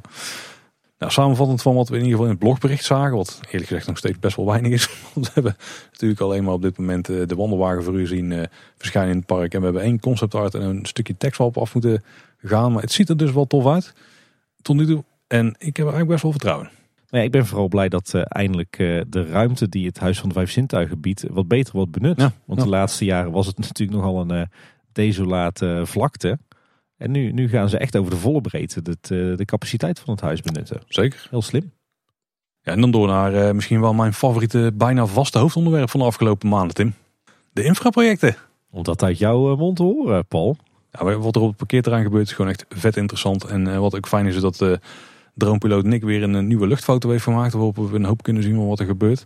Eigenlijk is de samenhang ook wel mooi. Hè, dan als je kijkt naar alle hoofdonderwerpen. Want eigenlijk kunnen het onderhand allemaal aan elkaar knopen. Het Efteling Grand Hotel de wijzigingen in het Huis van de Vijf Zintuigen, het sprookje Prinses op de Echt en de renovatie van het parkeerterrein. En ik besef in dit geval dat we eigenlijk met een evenement zijn begonnen toen het park in zijn gegaan en vanuit daar rustig naar buiten aan het lopen zijn. En alles wat we zien dan bespreken. ja, het, het hangt in ieder geval allemaal samen rond dat Efteling Grand Hotel. Ja, het is het, dieper in het park. Nou, daar komen we daar onderuit komen er nog wel ja, precies. even langs. Wat we in ieder geval aan de hand van die luchtfoto kunnen zien is hoe die rijstroken nu precies lopen. En uh, wat blijkt nou, we gaan nog één keer herhalen. gaat nog wel een keer gebeuren. Maar er zijn dus drie nieuwe asfaltstroken gekomen. Eén die komt ongeveer bij het servicegebouw uit. Dat is dus degene die wordt gebruikt als uitrijstrook voor eigenlijk alle parkeerstroken van P1. En dan hebben we dus nog twee andere. Eentje lijkt te gaan dienen voor het uitrijden vanaf het andere parkeergedeelte waar we daar aan P1 krijgen. Want dat wordt dus losgetrokken van elkaar. Het hotelparkeren en het regulier parkeren. En dan hebben we nog één extra strook. En die vond ik al een beetje vreemd. Ook met de plek waar die uitkwam en zo. Maar dat lijkt gewoon een eh, parkeerstrook te zijn zoals die er straks nog meer gaan komen voor het hotelparkeergedeelte. En dat betekent dus dat de strook die straks onder de promenade moet gaan doorlopen. Maar er wordt natuurlijk geen strook, maar er komt zo'n onderdoorgang eh, bij kijken. Dat die er helemaal nog niet ligt. Nee, inderdaad. En die komt eigenlijk tussen die twee laatste stroken te liggen die net bespraken. Dus uh, dat is ongeveer hoe je het moet zien. Ja, eigenlijk tussen, eh, als je kijkt vanaf de parkeerpromenade, eigenlijk tussen het servicegebouw en het toiletgroep in. Precies. En ik besef nu dat dat natuurlijk de reden is waarom die, uh, die rookzone die daar waarschijnlijk ging komen, dat die er helemaal nooit is gekomen. Ze hadden het al mooi aangestraat en zo. En het stond klaar om daar de conifeer in te zetten, maar dat is nooit gebeurd. Maar daar gaat natuurlijk helemaal opengebroken worden dadelijk. Ja, precies. Dat is waar die, die tunnel komt, die de Efteling zelf een onderdoorgang noemt. Die hints waren er al maanden. Ja. Ja, de afgelopen week is uh, daadwerkelijk begonnen aan uh, de werkzaamheden om die onderdoorgang te kunnen maken onder de parkeerpromenade door. En waar straks dus de auto's van hotelgasten doorheen gaan rijden. Uh, het, het, hele perceel tussen het servicegebouw en de toiletgroep is helemaal leeggeruimd. dat geldt dus ook voor het, het, gedeelte van de bouwplaats van Efteling Grand Hotel. En die houten schutting die langs de parkeerpromenade stond, die is verwijderd. Want ja, precies op die plek gaat dus straks een flinke bouwput komen waar we die tunnel gaan krijgen. Ja, wij hadden nog ooit de theorie dat dat misschien de omlooproute ging worden. Maar die is inmiddels ook duidelijk, want ze gaan er dus werkzaamheden. Nou, duidelijk. Ja, nou, er is een route waarmee je kunt omlopen. Laten we daarop houden. Een van, een soort van geocaching eigenlijk. nou, daar is de asfalt dus ook wel redelijk handig voor wat ze tijdelijk hebben neergelegd. Want daar wordt er ook voor gebruikt. Je moet namelijk onderdeel nu heen lopen waar ze dus die eh, onderdoorgang gaan maken. En als je nu dus door de tunnel komt vanuit het busstation, dan loop je de parkeerpromenade op. Maar op een gegeven moment kun je niet rechtdoor. Daar hebben ze gewoon afgezet met bouwhekken. Dan moet je dus omheen. Nou, dan ga je via de rechterkant eromheen. Dus over een van de nieuwe asfaltstroken die ze hebben aangelegd. En op een gegeven moment kun je dan uh, oversteken naar een andere asfaltstrook. En via die asfaltstrook kun je dan weer terug de parkeerpromenade op. En daarmee heb je precies het bouwterrein omzeild waar ze die onderdoorgang gaan maken. Ja, en als je het van boven bekijkt op die luchtfoto van Nick, dan loop je eigenlijk een soort Z. Ja, het is vrij goed voor de stappenteller inderdaad. Het verbaast me alleen wel dat ze het zo doen. Want ja, want het is natuurlijk al best wel een rommeltje op het parkeerterrein. En nu moet ook iedereen die dus naar de Efteling toe komt, moet door een heel paradijs van bouwhekken en asfaltwegen uiteindelijk vanaf de geparkeerde auto naar het Huis van de Vijf Zintuigen lopen. Het is allemaal wordt groter en goed. En als er een moment in het jaar is als ze kunnen uitvoeren, dan zijn al deze maand. Dus ja, even door die zure appel heen bijten. Nou ja, eh, deels mee eens natuurlijk. Het moet gewoon gebeuren. En het is wel het laagseizoen. Aan de andere kant denk ik, wat je vaak ziet als ergens een tunnel wordt gemaakt, is dat ze bijvoorbeeld eerst de ene kant van de tunnelbak maken. Met een klein, in dit geval zou je dan bijvoorbeeld eerst de linkerkant kunnen maken. En een hmm. klein stukje van de parkeerpromenade af kunnen snoepen. Terwijl iedereen er aan de rechterkant via een bypass omheen kan lopen. Uh, als dan de linkerkant klaar is, dan doe je de rechterkant. Zodat iedereen al links over de nieuwe parkeerpromenade kan lopen. En dan hoef je niet je mensen echt te laten dwalen en dolen door een soort van bouwhekkenparadijs over je parkeerterrein die op de schop loopt. Hmm. Zou, dat, zou dat breed genoeg voor zijn, een parkeerpromenade? Ja joh, ik heb wel eens rotondes op deze manier gemaakt. die een stuk groter waren dan dat ene tunneltje. Dus ik vind het bijzonder dat ze hier gewoon hebben gezegd van weet je wat. We hekken in één keer het hele projectgebied af. En uh, ja, bezoekers die lopen maar over parkeerterrein. Ik had gezegd knip hem dan op in, uh, in twee fases.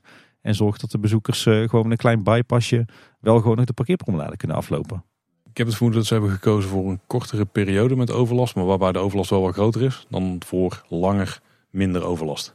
En dan is het gewoon klaar voor het hoogseizoen en dan is het eh, allemaal uh, prima. Ik denk dat dat een beetje de overweging is geweest. We, gaan het zien de komende maanden. Er is in ieder geval nog wel een andere bijzonderheid bezig op het parkeerterrein op dit moment. Want we hebben de parkeerstrook vooraan waar de laadpalen zitten. En die zijn helemaal afgesloten op dit moment. Tot en met 11 februari. En je kan dus tot 11 februari ook niet je auto laden op het Efteling terrein. Daar moet je even wel rekening mee houden. Is ook zo dat tot dit moment waren nog maar 64 palen van de 172, iets meer zelfs uit mijn hoofd, eh, beschikbaar.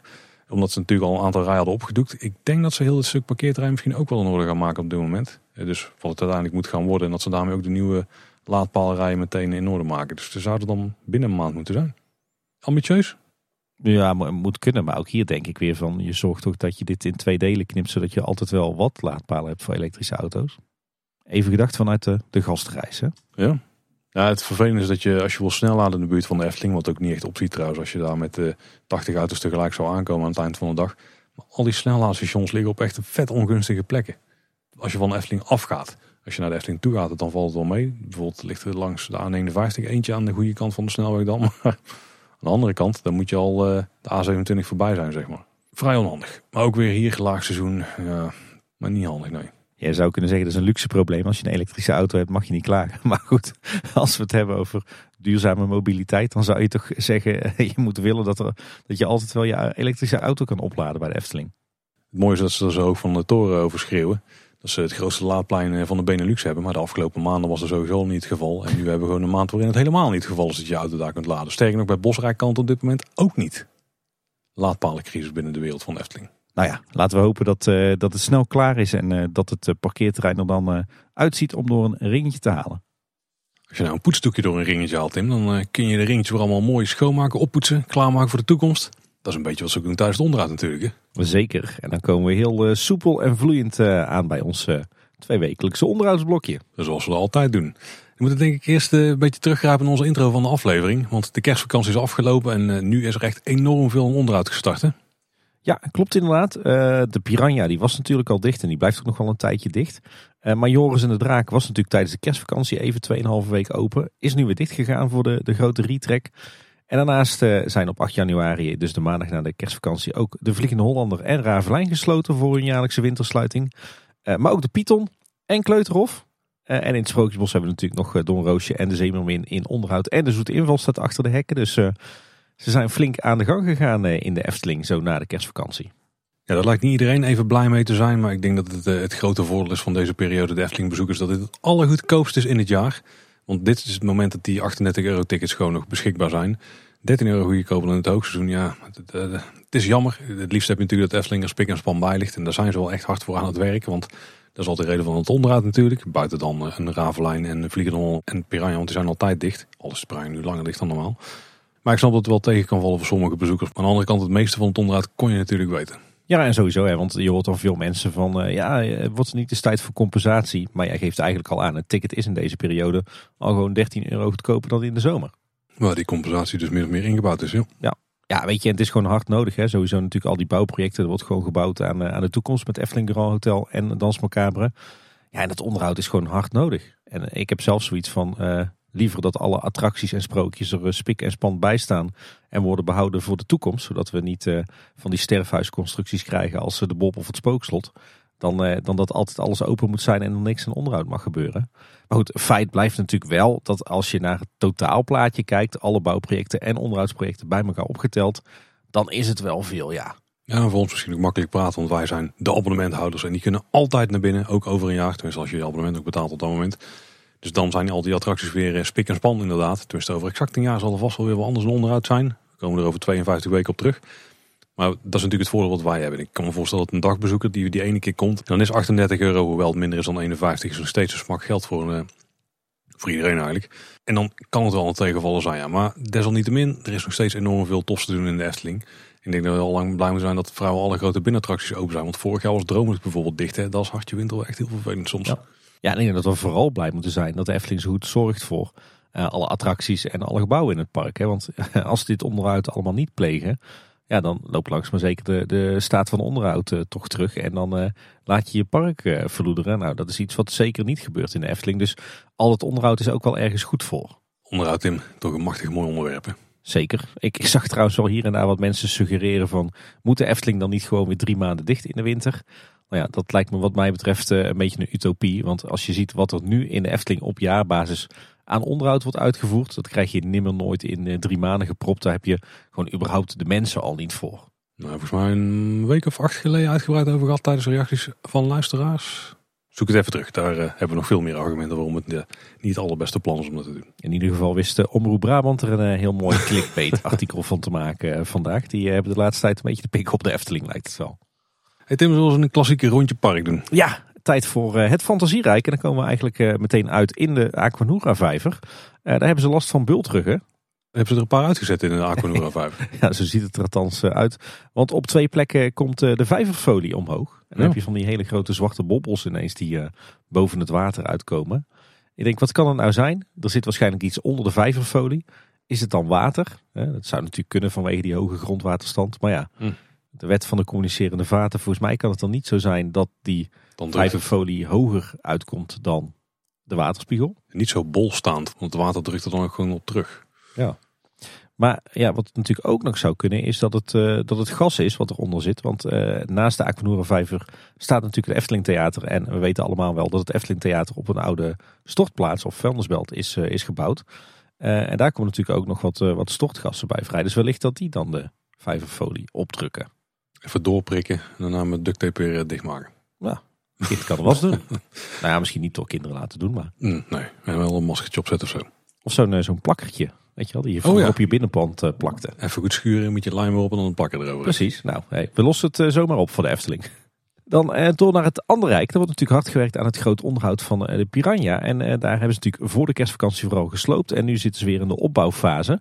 En we zien hier en daar al de eerste indrukwekkende staalconstructies verrijzen. Voor de nieuwe rotspartijen. Dat zijn flinke bouwwerken. Volgens mij zijn ze het vers nu aan de achterzijde van de attractie. Bij de Karpervijver. Bij die grote rotspartij. waar ook een aantal watervallen in zitten.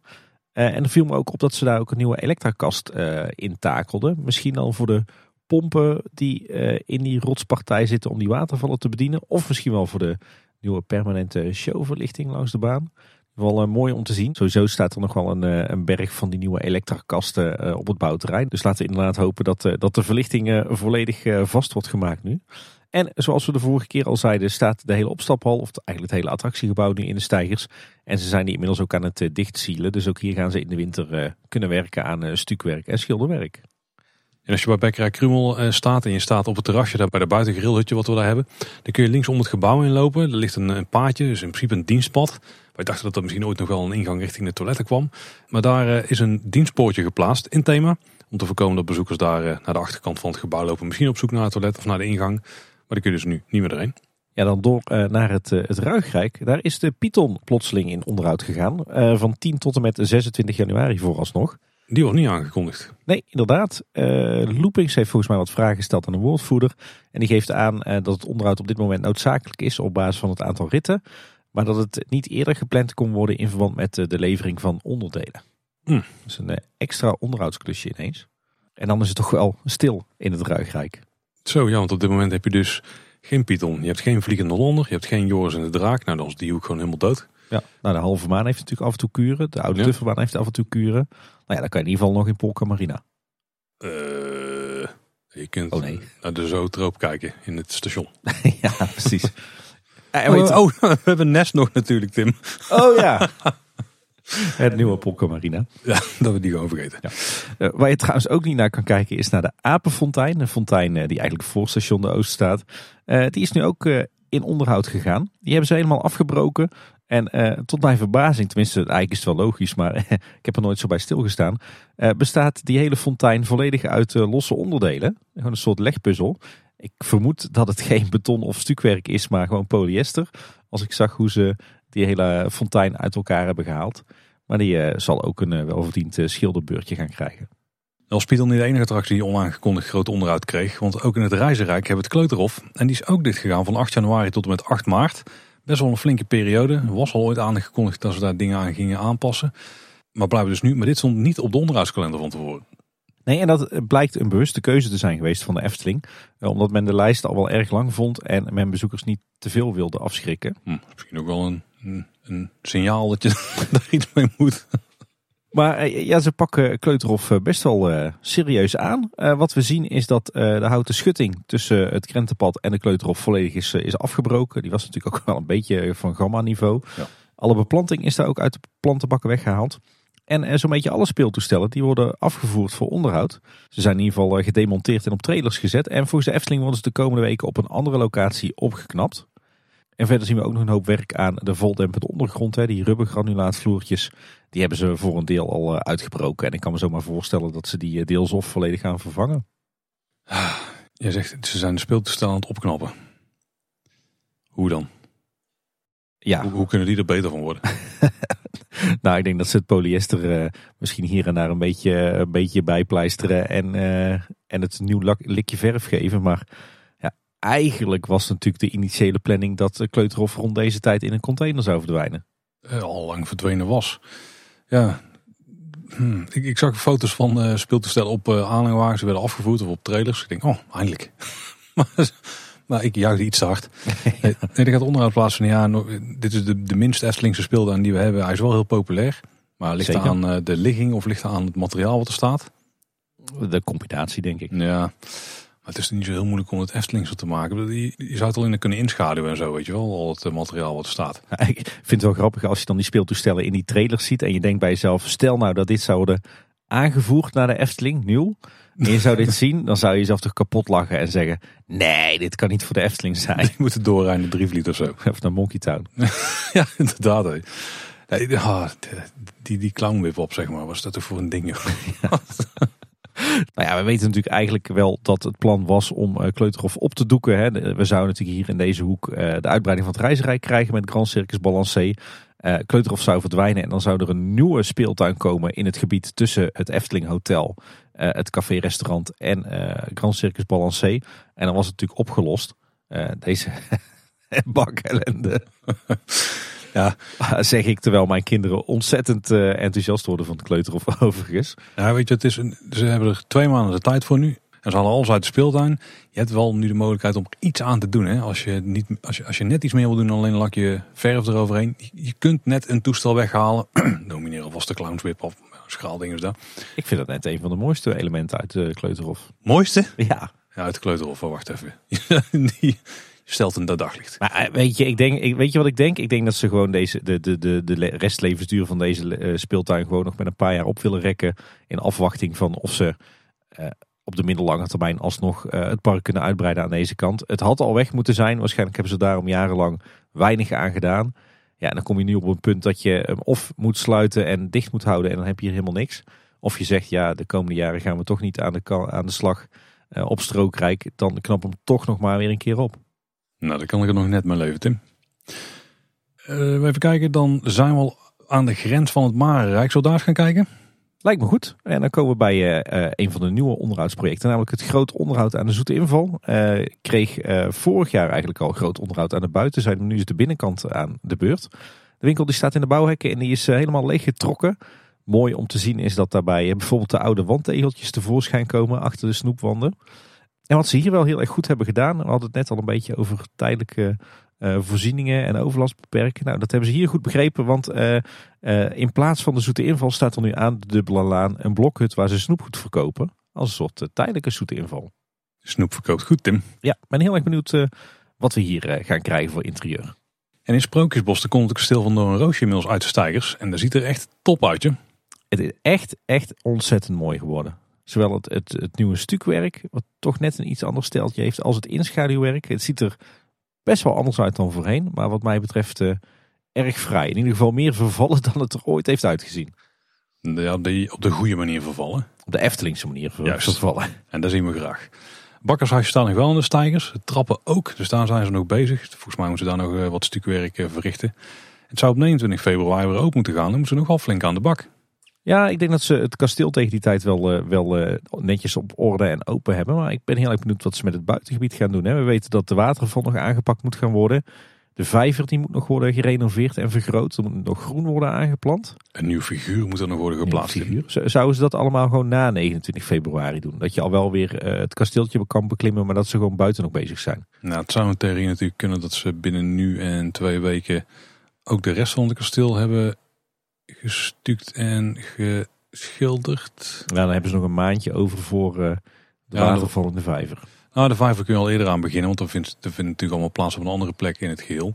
Watervallen kun je daarna een beetje aanpakken. Ze moeten ook nog een, een pleintje maken wat dus uitkijkt richting uh, het kasteel langs het nieuwe pad. Nou, het is al ambitieus, maar Efteling kennen is het wel te doen, toch? Ja, ja of ze gaan gewoon open en uh, werken ondertussen door. Ja, ik denk dat ze het toch wel netjes af willen maken eerst. We gaan het uh, ja, zien. We gaan het zeker zien. Een stukje verder is er bij het paddenstoelenparcours het, uh, het waslijntje weer terug. Met was. Van de kinderen van Marie van Heumen? dat niet volgens mij dit keer. Het is echt een project waar ze nog steeds puntjes op de i aan het zetten zijn. Die zijn ze echt aan het ja. tweaken, ja. ja. Uh, het onderhoud van de Zeemermin is dus niet afgerond trouwens, zoals het blog wel eerder meldde.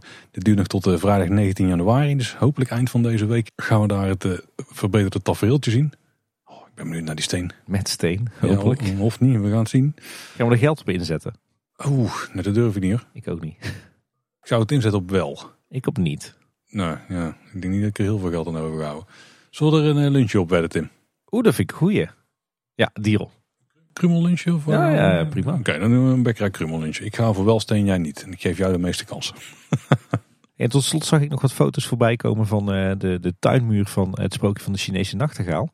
En die is flink aan het uh, wegrotten, joh. Blijkbaar zit daar onder het stukwerk een houten constructie. Dat gaat Hout. natuurlijk uh, nooit uh, heel erg goed. Dat zien we ook op andere plekken in de Efteling. Daar doen ze nu niks aan. Dus het zou zomaar eens kunnen dat ook de Chinese nachtegaal in 2024 aan de beurt komt voor groot onderhoud, bedacht ik me. Er zit er hout onder die, onder die muur? Ja. Ik had verwacht dat daar gewoon een gemetselde muur was. Ja. Of die toog of zo ermee gemaakt? Ja, dat bovenste randje. En er staan natuurlijk nog wat van die mini-torentjes op. Oh, Tegenwoordig zouden ze dat met betonelementen doen die ze gewoon onderstukken toch? Ja, uh, hout en stukwerk dat gaat vanwege vocht uh, meestal niet zo lekker. Nou, oké.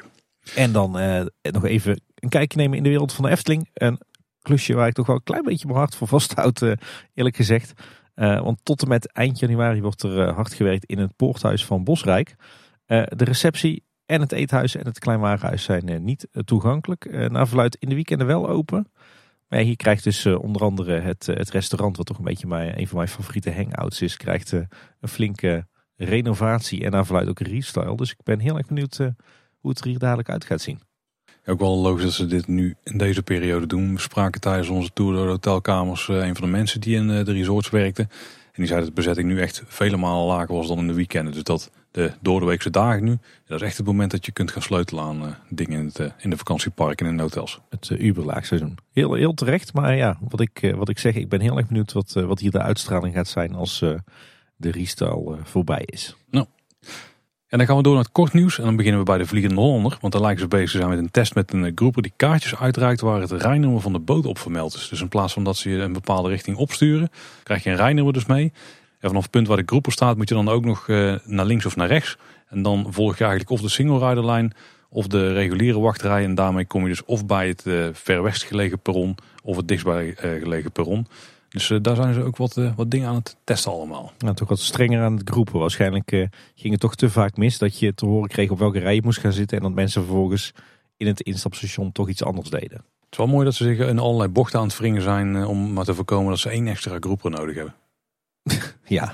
Want hoe het voorheen werkte met gewoon iemand die onderaan stond, werkt eigenlijk best goed toch? Ja, maar ja, arbeid is duur hè? Dat, dat, is zeker waar. En ze zoeken een hoop mensen. Check de vacatures. Um, er is ook een update geweest van de Efteling app. Ja, die deed ineens heel raar hè? Misschien op Android. Ik heb niks gezien. hij, uh, hij bleef een beetje hangen. Hij haperde een beetje. Met name de lijstweergave. Dat uh, ging, ging ineens niet zo lekker als normaal. Ja, als dat het geval was, dan is dat nu gefixt in ieder geval, Tim. Je hebt het gezien dan eerder? Ik probleem? kan het bevestigen, ja. Nou, kijk, top. En ze hebben ook iets nieuws in de app. Je hebt namelijk nu ook een label nu rustig bij attracties die op dat moment dus rustig zijn. Uh, waarschijnlijk een hoop om mensen wat beter te verspreiden over het park en uh, de wachtrijcapaciteit beter te benutten. Ik ben wel benieuwd hoe ze dat, dat ze die geprogrammeerd hebben. Kijken ze dan naar de absolute waarde? Kijken ze wel of niet naar de, de rest van de wachttijd in het park? Kijken ze relatief? Uh... Poeh, dat is wel een goede vraag. Ja, ik, ik zie zo grofweg twee manieren om het op te lossen. Ze weten historisch hoe druk attracties zijn op bepaalde momenten. Ze zouden daaraan kunnen afleiden dat ze rustiger zijn dan normaal. Maar dan kan nog steeds zijn dat een half uur wachten bij Symbolica op een, een zaterdagochtend dat dan rustiger is. Is wat mij betreft wel de correcte methode, toch? Ja, nou de andere methode is natuurlijk gewoon kijken relatief aan de andere attracties. Of alles onder de vijf minuten, dan zetten we die banner bij. Klopt technisch gezien wel. Maar ik denk dat deze, daar hebben we trouwens wel iets van gehoord. Dat deze bij een bepaalde set attracties toch? Bij een stuk of tien van de grotere attracties. Dus misschien dat ze daar dan vooral naar historische data krijgen. Misschien naar de onderlinge verhouding. Misschien dat we er een beetje een gevoel voor krijgen in de komende week als we die eh, labels regelmatig gaan zien verschijnen. Hey, en dan uh, merchandise nieuws. Er is natuurlijk weer een, nieuwe jaarpin, want het nieuwe jaar is aangebroken. En dit jaar is dat de Vliegende Vaak hier op een vliegend tapijt tegen een gele achtergrond. Verkrijgbaar voor 7,50 bij de Maskramer en daar hangen ze nog volop. En verder zijn ook de nieuwe Luviel miniaturen en beeldjes van 2024 bekendgemaakt. Wat gaat er allemaal worden uitgebracht als miniatuur? Reus Gin uit de Fata Morgana. Vet. De kwelbeelden van de Piranha. Met watereffect. Dat weet ik niet. Dat zou nou echt goud zijn. Ik denk dat je dat zelf wel kan klussen, toch? Nou, de creatieve luisteraar die kan er wel, ja. ja. Uh, dan zijn er een heleboel beeldjes van entertainment. Bijvoorbeeld Pardoes en Pardijn. Maar ook de heks van Vliegersvlug en Joris op de Draak. Oh. Uh, de houten wegwijzer van Roodkapje. Die is verkrijgbaar als uh, miniatuur. En ook het huisje van de Stenen Kip. Toch tof hoe ze steeds, steeds obscuurdere dingen weten te vinden om beeldjes van te maken. Ja, toppunt daarvan vond ik toch wel de Efteling bezoekers die je op een gegeven moment kon kopen. Ja, de heks van Vliegen Vlug en Joris op de Draak zijn natuurlijk nog wel... die, die bestaan pas twee jaar of zo. Ja. Hm. Ik dan wat vacature nieuws, Tim. Want de Efteling is op zoek naar een nieuwe directeur. Dat, is, uh, dat gebeurt ook niet vaak. Toen Comberts wegging hebben ze zelfs één directeurspositie afgestoten. Toen eigenlijk twee setjes werkzaamheden naar één persoon gegaan. Maar er uh, komt een, een, directeur in een andere hoek bij, namelijk technologie en innovatie. Dat is echt een volledig nieuwe functie. De afgelopen tijd heeft de directie samen met de Raad van Commissarissen gekeken naar wat nog mist binnen de huidige directie. Op het gebied van de talent en kwaliteiten die daar binnen leven. En ze hebben eind vorig jaar besloten om de directie uit te breiden van vier naar vijf leden. Dus eigenlijk het oude aantal. En daarmee willen ze die derde pijler van de visie die de Efteling heeft in, op 2030, namelijk technologie, een uh, relevantere positie laten nemen binnen de Efteling. Nu is het natuurlijk zo dat niemand daar echt de, de scepter over zwaait. Het zal misschien een beetje bij uh, Koen hangen. Ja, Fons doet dat volgens mij toch, juist? Fons innovatie, ja. Oh, ik dacht dat het echt wel iets was wat meer bij Koen uh, Koen zou liggen. Nou, in ieder geval, daar gaan ze nu een specifiek iemand voor aannemen. Nou, wat zoekt de Efteling dan? Uh, iemand die een ervaren professional is op het gebied van technologische innovatie. En die wordt dan verantwoordelijk voor de lange termijn innovatiekracht van de Efteling. En die gaat een cruciale rol spelen in de vormgeving van de toekomst van het park en haar resorts. Maar je moet ook een innovator zijn die, nou daar komt het in, next generation attracties gebaseerd op cutting edge technologieën en de allerbeste digitale services kan helpen ontwikkelen en implementeren om zo de gasbeleving te verhogen. Ik moet dan meteen denken aan van die Europa Park geintjes als Julbi. Ik uh, hoop het niet. nee, dat is ook wel een beetje waar ik benieuwd naar ben. Het op zich heel goed dat ze inderdaad meer aandacht hebben voor technologie en innovatie. Maar laten we alsjeblieft niet hopen dat het een of andere hipster directeur is die ineens allerlei uh, spannende AI, VR, AR, NFT dingen in de Efteling wil mengen, brengen. Kijk, wat dus het geval gaat zijn is dat dit ook de baas wordt van IT en digital en van de data en insights uh, teams. En er komt ook iemand in het strategieteam bij. Ik vraag me af of hij ook nog zijn eigen mini-afdelingje daarbij gaat krijgen. Misschien een afdeling die ook gaat groeien door de jaren heen. Die dit soort dingen gaat onderzoeken of zo.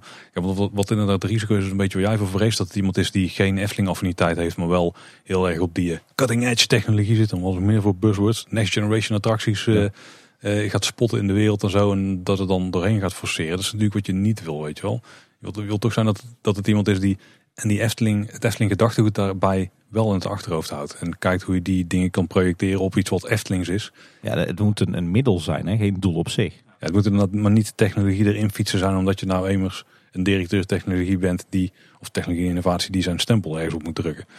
Dus daar moeten ze wel uh, voor waken, denk ik. En het is wel lastig om zo iemand te vinden hoor. Dat is bijna iemand die je moet opdreunen uit de eigen organisatie. Maar dan heb je waarschijnlijk weer niet iemand die de, de directiekwaliteit heeft die je zoekt. En je zoekt eigenlijk een nostalgicus in de IT-sector. Een soort van eenhoorn wil je zeggen. Een magisch, mythisch wezen. nou ja, bij, bij mij thuis stikt het van de unicorns. Dus, uh...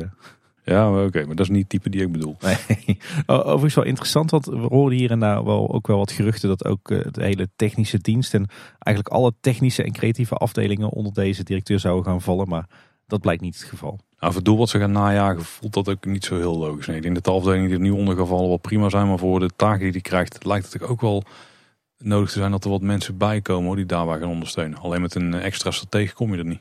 Ja, dan wat je al zei, wat, wat onderzoek, wat strategie, wat uh, beleid. Interessant. Laten we hopen dat het tot, uh, tot mooie dingen gaat leiden. Nou, er is volgens mij zelfs een extern bureau voor aangetrokken om uh, de zoektocht te bevorderen. Ja, ja. Je kunt ook gewoon de reageren op de vacature, maar het loopt wel deels weer een externe partij. Volgens mij hebben we wel ontzettend veel IT'ers uh, onder onze luisteraars. Dus. Vast wel. Als die ook nog uh, wat directieervaring hebben, dan kunnen ze solliciteren. Ik weet er wel iemand, maar goed, dat is uh, voor na de show. Het in wonderlijke sprookje is een van de resultaten die is ontspoten uit de samenwerking tussen Videoland en de Efteling. Die kun je nu zien op RTL 4. En we hebben geleerd dat die uitzendingen in sommige gevallen wel 1,3 miljoen kijkers trekken. Joh. Dat is netjes zijn maar korte afleveringen. En een kleine nuance erbij is dat ze ook eh, direct na het RTL Nieuws worden uitgezonden. Wat een van de best bekeken nieuwsprogramma's van Nederland is. Oh, ik dacht bijna dat je ging zeggen wat een van de beste nieuwsprogramma's is. Maar het best bekeken. Nou, ik weet niet of het een van de beste nieuwsprogramma's is. Ik kijk het zelf niet. Goeie dus, nuance. ja. uh, dus dat zal in ieder geval mee helpen dat de mensen even blijven hangen. En dat we nog meekijken met hun kinderen. Nou ja, goede, perfecte gratis reclame voor de Efteling eigenlijk. Het is gewoon vet slim getimed. Ja. ja. En iets, eh, iets opvallends. Uh, jij weet, Paul, uh, ik, ga, ik ga nogal eens graag wandelen op het Loonse Land. Het natuurgebied ten zuiden van het vakantiepark, het, het Loonse Land. Een prachtig gebied en een van de hoogtepunten daar is uh, de kathedraal van het Loonse Land. Een hele mooie rode beuk. Nou, die is echt fantastisch, echt een magische boom.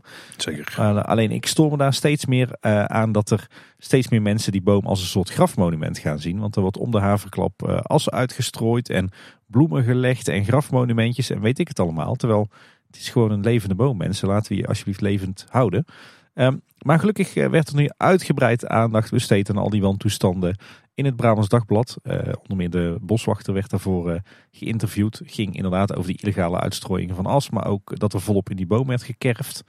Uh, en in dat artikel werd toch wel heel duidelijk uitgelegd dat dat dus absoluut niet de bedoeling is. Dus goed dat daar nu wat aandacht voor is. En ook, ook nog wel interessant wat gedoe in de gemeenteraadsvergadering van, van onze gemeente op 14 december. En het ging over het, het al dan niet laten vervallen van de vermakelijkheden retributie die de Efteling moet betalen aan de gemeente. En die te vervangen uh, voor een uh, soort overeenkomst En dat is natuurlijk een soort regeling waarmee de kosten die de gemeente maakt voor de Efteling worden doorbelast aan de Efteling. Dat is een regeling die bestaat volgens mij sinds 98. Ik weet dat Ronald van der Zel zich daar ooit nog heel druk om heeft gemaakt. En het plan was nu om die te vervangen door een soort van standaard bedrag wat de Efteling dan ieder jaar aan de gemeente zou betalen. Waarmee je dan uh, niet hoefde aan te tonen waar al die kosten uit bestonden. En dat scheelde een hoop, ja, een hoop gedoe en een hoop lasten. Uh, en dat zou dan zijn in de vorm van een pilot voor de duur van drie jaar. Maar uiteindelijk is die gesneuveld in de gemeenteraad. Om het al denk ik lastige materie, maar als je het interessant vindt, dan staat er een, een, linkje in de show notes naar alle stukken over dit onderwerp. Dan moet je even scrollen naar agenda punt 25 en nou ja, dan kan je je verdiepen in dit, dit onderwerp. En dan eens kijken of er nog wat dingen gebeuren in de periferie van de Efteling. Uh, vorige aflevering hebben we het erover gehad dat er uh, mogelijk een uh, noodopvang voor asielzoekers kwam in Loon op Zand of in Kaatsheuvel eigenlijk. Langs het terrein van de Efteling, langs P3. En dat is er inmiddels doorheen. Dat gaat gebeuren. Ja, inderdaad. onze gemeenteraad heeft op 4 januari besloten dat we dit, dit gaan doen. dus er komt inderdaad een crisisnoodopvang voor 150 vluchtelingen aan de Dodenauweg. tegen de wereld van de Efteling aan. En vandaag eh, zijn de voorbereidende werkzaamheden begonnen. De opvang die moet eind januari, begin februari klaar zijn. En bestaat uit, uh, uit tenten en woonunits. En, en, die blijft dan zes maanden staan. En wil je nou meer weten over die opvang en hoe die eruit komt te zien? kijk dan op loonopzand.nl slash opvang. En dan iets, iets heel bijzonders, bijna een heel bijzonder natuurfenomeen. Want er is, er is iets gebeurd wat eigenlijk nooit gebeurt. Want in de Loonse en Drunense Duinen, natuurlijk het, eh, het enorme natuurgebied eh, hier in de regio, daar staat voor het eerst in, nou ja, volgens mij ooit.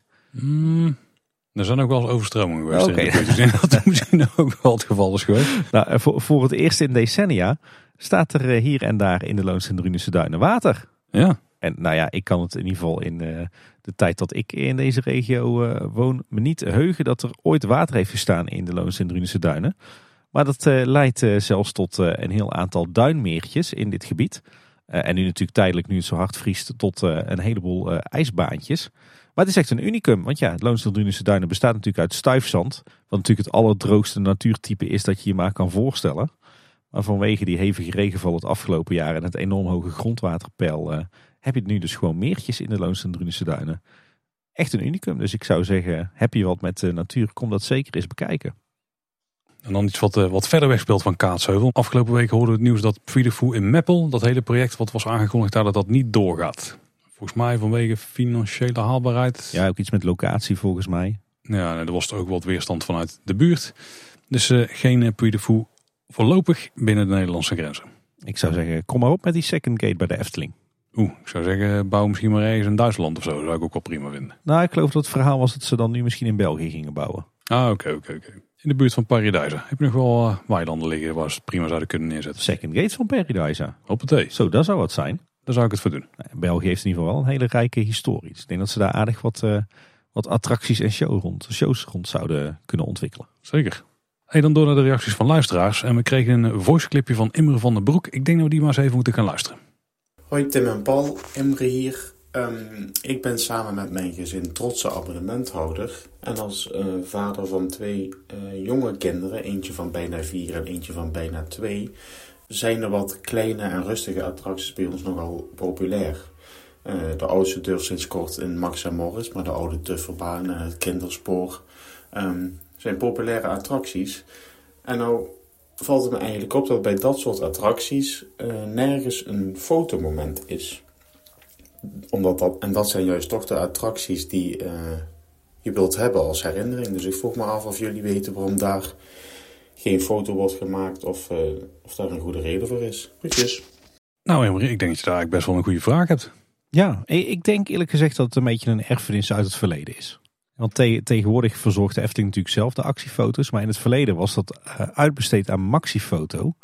een ondernemer uit volgens mij Waalwijk. En die, die hadden uh, volgens mij een, een, eh, een heel goed contract. Tenminste, vooral voor henzelf. Want volgens mij hadden zij het recht om naar eigen uh, goedvinden overal in de Efteling zo'n puntje te openen. En dan moest de Efteling zorgen voor alle voorzieningen. En zij streken de inkomsten op van de foto's. Ik kan me voorstellen dat zo'n externe commerciële partij dacht... wij kiezen alleen de spectaculaire attracties. Het heette toen niet voor niks natuurlijk de actiefoto's. Waar wij verwachten dat er eh, lekker veel foto's worden verkocht. Ja, maar ik denk dat het beste voorbeeld dat aanhaalt toch wel Max Moritz is. Dat is natuurlijk een, een, een, attractie waar je juist met kinderen in gaat. Wat dan de eerste achtbaan is voor heel veel kinderen. En daar kun je niet zo'n foto kopen. En sterker nog, het is zelfs vrij moeilijk om een goede foto te maken van je kind in die achtbaan. Terwijl je er aan de, ja, de buitenrand lang staat, zeg maar. Je hebt één plek waar je misschien een beetje een foto kunt maken. En dat is het uitrijden van een Moritz-trein. Maar dat is ook extreem moeilijk om dan een fatsoenlijke foto te maken. Dus daar mis ik hem eigenlijk wel, ja. Ja, ja maar ik denk wel dat er ontwikkeling in zit. Hè? Want de Efteling heeft natuurlijk een aantal jaar geleden dat contract met Maxifoto uh, beëindigd. En sindsdien doet de Efteling het zelf. Tenminste, ze hebben wel een, uh, volgens mij een, Britse partner die de techniek doet. Maar uh, voor de rest doet de Efteling alles in eigen huis. Het is volgens mij ook onderdeel van de afdeling retail. En daardoor zie je nu dat ze echt wel breder kijken dan alleen de achtbanen. Hè? Wat natuurlijk van oudsher vooral de plekken waren waar die foto's werden genomen. Kijk bijvoorbeeld naar de, de foto's die worden genomen bij Symbolica bij Fata Morgana, bij Droomvlucht, allemaal van uh, na de tijd dat Efteling nog met Maxifoto samenwerkte. Dus ik denk dat ze wel steeds breder gaan kijken naar de, waar, uh, waar deze foto's te nemen. En wat natuurlijk een voordeel is, is dat ze voortaan de verkoop van die actiefoto's kunnen combineren met, uh, met een stukje retail. Dus met verkoop van souvenirs, waarmee het een stuk rendabeler wordt om die foto's te maken. He, voorheen was natuurlijk het probleem dat je daar één of twee man personeel moest neerzetten. Ja, dan moest je wel heel veel foto's verkopen, wil je dat terugverdienen nu combineer je dat met souvenirs. Dus ik denk dat het iets, een erfenis is uit het verleden. Maar nu de Efteling het in eigen hand heeft en vaak met souvenirsverkoop uh, combineert, denk ik dat het wel eens zo zou kunnen zijn dat we op steeds meer plekken die foto's terug gaan zien. Als je een beetje uit de lucht mag grijpen, Tim, wat zouden wat jou betreft attracties zijn die geschikt zouden zijn om nog een foto aan toe te voegen, waarbij het ook zinnig zou zijn? Nou, ik vond Max en Moritz al een ontzettend goede suggestie. Maar ik zat zelf ook bijvoorbeeld te denken aan de oude Dufferbaan. Ja, oude Dufferbaan is ook een goede. Ook typisch zo'n kinderattractie. Ja, en die, ja, die laatste tunnel is misschien wel een beetje suf. Maar die, de plek om de techniek kwijt te kunnen, die heb je dan makkelijk. Je zou alleen wel een plek moeten hebben waar je zo kunt verkopen. Dat hebben ze daar op dit moment nog niet. Er zou, er zou vrij simpel een balletje gemaakt kunnen worden bij... Ja, misschien zorgt dat voor opstoppingen. Net voorbij het uitstappen rond, zeg maar. Ja, of je, of je maakt gewoon een, eh, een fotopuntje in de game gallery. Ja, een centraal punt waar je wel meer ruikrijk attracties kunt doen. Halve maan zou ook nog best wel vet zijn, besef ik me nu. Want als je daar een foto maakt op het moment dat je een, een sweep omhoog doet, ja. uh, of eigenlijk in beweging, dan sta je er zelf vrij scherp op in de boot. Maar heel de achtergrond die wordt dan wazig natuurlijk, vanwege de snelheid. Moeten ze niet zo'n sluitertijd hebben van een 2000 seconden of zo. Maar ja, dat zal te doen ook. En dan kun je die combineren. Het kinderspoor, uh, zegt Immeren, maar ik weet niet of dat zo heel geschikt is, omdat je daar namelijk zelf een prima foto kunt maken vanuit de kant. Ja. Dat gebeurt ook veelvuldig. Villa Volta zou vreemd zijn, denk ik, om er een te hebben. Je zou het wel kunnen timen met een bliksemflits. Ja. Maar dan moet je techniek verstoppen in die trommel. Dat gaat in de praktijk niet werken. Gedoe. gedoe. Stoomtruim slaat ook nergens op. Slakkenspoor, dat is niet echt actievol. Nou, laten we, laten we beginnen met Max Moritz en de oude verbaan. Ja, de zes zwanen hoeft het ook niet. Nee. nee. ik ben eigenlijk wel benieuwd wat er met Dans Macabre gaat gebeuren. Je hebt daar zeker de plek eh, om ze te verkopen, maar kun je daar een zinnige foto maken? Want je hebt zes losse kerkbanken. En waar ga je dan op de foto zetten? De volledige kerkbank? Dat wordt nog een lastig. Nou ja, tegen die tijd hebben we natuurlijk een directeur innovatie en technologie. dus die weet dat precies uit te stippelen. Hm, ik weet niet wat hij er tegen die tijd al is. Nee, ik, ik vind echt, ik, ik hou het voor nu bij Max en Moritz en de oude verbaan. Gewoon twee fotopuntjes erbij. Commercieel aantrekkelijk. Ja, dat gaan we doen. Dan uh, nog een vraag van Joost. En die schrijft: Dag heren, mijn zoontje is helemaal fan van Ravelijn. Had een vraag waar ik het antwoord niet op heb. Mogelijk jullie wel. Het water waar Olaf Grafwacht in wegzakt. Is dat verwarmd met deze temperaturen? Anders moet iemand toch een hartstilstand krijgen. Hij stuurde deze vraag trouwens op de dagen dat het echt min 5 tot min 7 was. Ik geniet elke week van jullie podcast. En mede dankzij jullie verander ik in een Eftelgekkie. In de positieve zin van het woord. Nou, dat is goed om te horen in ieder geval, eh, Joost. Terecht, Eftelgekkie is gewoon een geuzennaam. Hè? Die dragen we allemaal met trots. Maar is het water verwarmd? Nou ja, het, het borrelt toch als uh, Olaf Grafwacht er uh, naar beneden zakt. Dus het zal rond de 100 graden Celsius zijn dan, denk ik. Maar er komt geen stoom vanaf. Nee. En ik ga ervan uit dat Olaf wel een uh, wetsuit aan heeft, inclusief van een handlanger. Denk het wel, ja. Nee, ik denk niet dat dit water verwarmd is. Ja, als het verwarmd is, dan zou het hoger tot een graad of 15 tot 20 zijn of zo. Nog steeds vrij fris is voor water hoor. Nee, de, de, denk je niet. Inderdaad, het is wat jij zegt. Volgens mij hebben zij inderdaad een wetsuit aan onder hun, hun kostuums. Volgens mij zou ik zeggen gewoon weg in onverwarmd water hoor. Ja, en het borrelt natuurlijk zodat het niet dichtvriest. Ja. En ook om een beetje om de techniek te verhullen. Ja, weet je wat het is? Ik denk dat ik niet zou overleven. Maar goed, ik denk dat de meeste mensen die aan Ravelijn meewerken net wat uh, sportiever en Spartaanser en geharder zijn dan, uh, dan, nou ik wou zeggen dan wij, maar ik zal het even op mezelf betrekken, dan ik. is eigenlijk een soort van gratis ijsbad wat je krijgt in deze tijd van het jaar. Ja, dat denk ik wel. Ja. Ja, dan gaan we door. En dan nog dit, Tim. Ik heb echt een, wat mij betreft, enorm vette film zitten kijken afgelopen week. Oeh, vertel. Eh, Met dochterlief, dus jij zou het ook nog eventueel kunnen kijken, Tim. Eh, Spider-Man Across the Spider-Verse. Ik had hem eigenlijk in de bioscoop moeten gaan kijken, maar ik heb uiteindelijk moeten wachten tot hij op Netflix eh, terecht kwam. Voor iedereen die het niet weet, is het vervolg op Spider-Man Into the Spider-Verse. Volgens mij 2017, wat ik ook al een enorm vette film vond. En dit is dus een animatiefilm met een, nou, je kunt niet echt zeggen met een hele vette stijl, want het is echt een combinatie van heel veel stijlen. Omdat hier, eh, dat is niet echt een spoiler denk ik, maar omdat er heel veel verschillende werelden, eh, zeg maar dimensies samenkomen. En iedere dimensie heeft zijn eigen artistische stijl, zeg maar. Wat echt van eh pastelschilderingen tot Lego, tot gewoon het echte, de echte wereld. Het echte, tot heel veel creatieve manieren om inkt op papier te krijgen spant, zeg maar. Dat, dat is echt enorm vet. Vet. En dat combineren ze ook heel vet met een echt een enorm goed verhaal eronder. Goede karakters erin. Ja, dit, deze film heeft eigenlijk gewoon alles wat de film nodig heeft. En het- wat ik het allervetste vind aan die film, is dat ze deze alleen maar hadden kunnen maken in dit medium. Dit, dit had niet gewerkt als je dit als speelfilm had opgenomen, zeg maar. En dat, is dus, dat vind ik zelf wel heel sterk, want je denkt, oh, een Spider-Man tekenfilm, dat is een beetje zoals ze vroeger op tv kwamen, weet je wel, lekker plat en zo. Nou, die zitten dus ook in Ja. letterlijk die Spider-Man eh, figuren die komen terug. En ook een hoop acteurs uit de films die eh, hebben cameo's, zeg maar. Maar dit is denk ik het enige medium waarin, je het op deze manier had kunnen combineren. En het blijkt dat die initiële film, die al heel vet was, ook goed in elkaar zat, ook een goed verhaal maar wel een, eh, een rond einde, zeg maar. Dat ze daar dan weer net die elementen hebben kunnen uitplukken, waardoor ze, waardoor ze deze wereld veel dieper hebben kunnen maken. Het enige wat jammer is, en ik weet niet of het een spoiler is, maar er komt nog een deel 3 aan. En daar maken ze wel ruimhartig gebruik van, want het is een enorm open einde. Dus wat er niet na nog komt, dat moeten we nog even gaan leren. Maar het mooie is, nou het mooie is niet. Mijn dochter die zat mee te kijken en die had dus nog nooit een film met een open einde meegemaakt. Want Oh. dat hebben de meeste Disney films zo bijvoorbeeld niet. Dus die snapte echt niet wat er nou gebeurde. Oh, dat is toch stom dat ik nou niet weet hoe het verder gaat. Dus je hebt, je- even, je hebt even het hele principe van een open einde uit eh, kunnen leggen. Nou, het voordeel is dat wij hem dus nu pas kijken wat dat betreft. Ik zeg, nou dan gaan we wel samen naar het bioscoop. En dan kijken we daar dan wel het laatste deel. Wat ergens dit jaar zou moeten gaan Ah. verschijnen. Stond gepland voor maart, maar dat is uitgesteld tot onduidelijke datum. Dus eh, ja, maar in ieder geval een dikke vette tip. Ook als je denkt van eh, dat soort animatiefilms is niks voor mij. Ik denk dat heel veel mensen hier heel veel goeds in kunnen vinden. Maar dus eigenlijk dus ook een soort van docu over de verschillende animatiestijlen rond Spider-Man.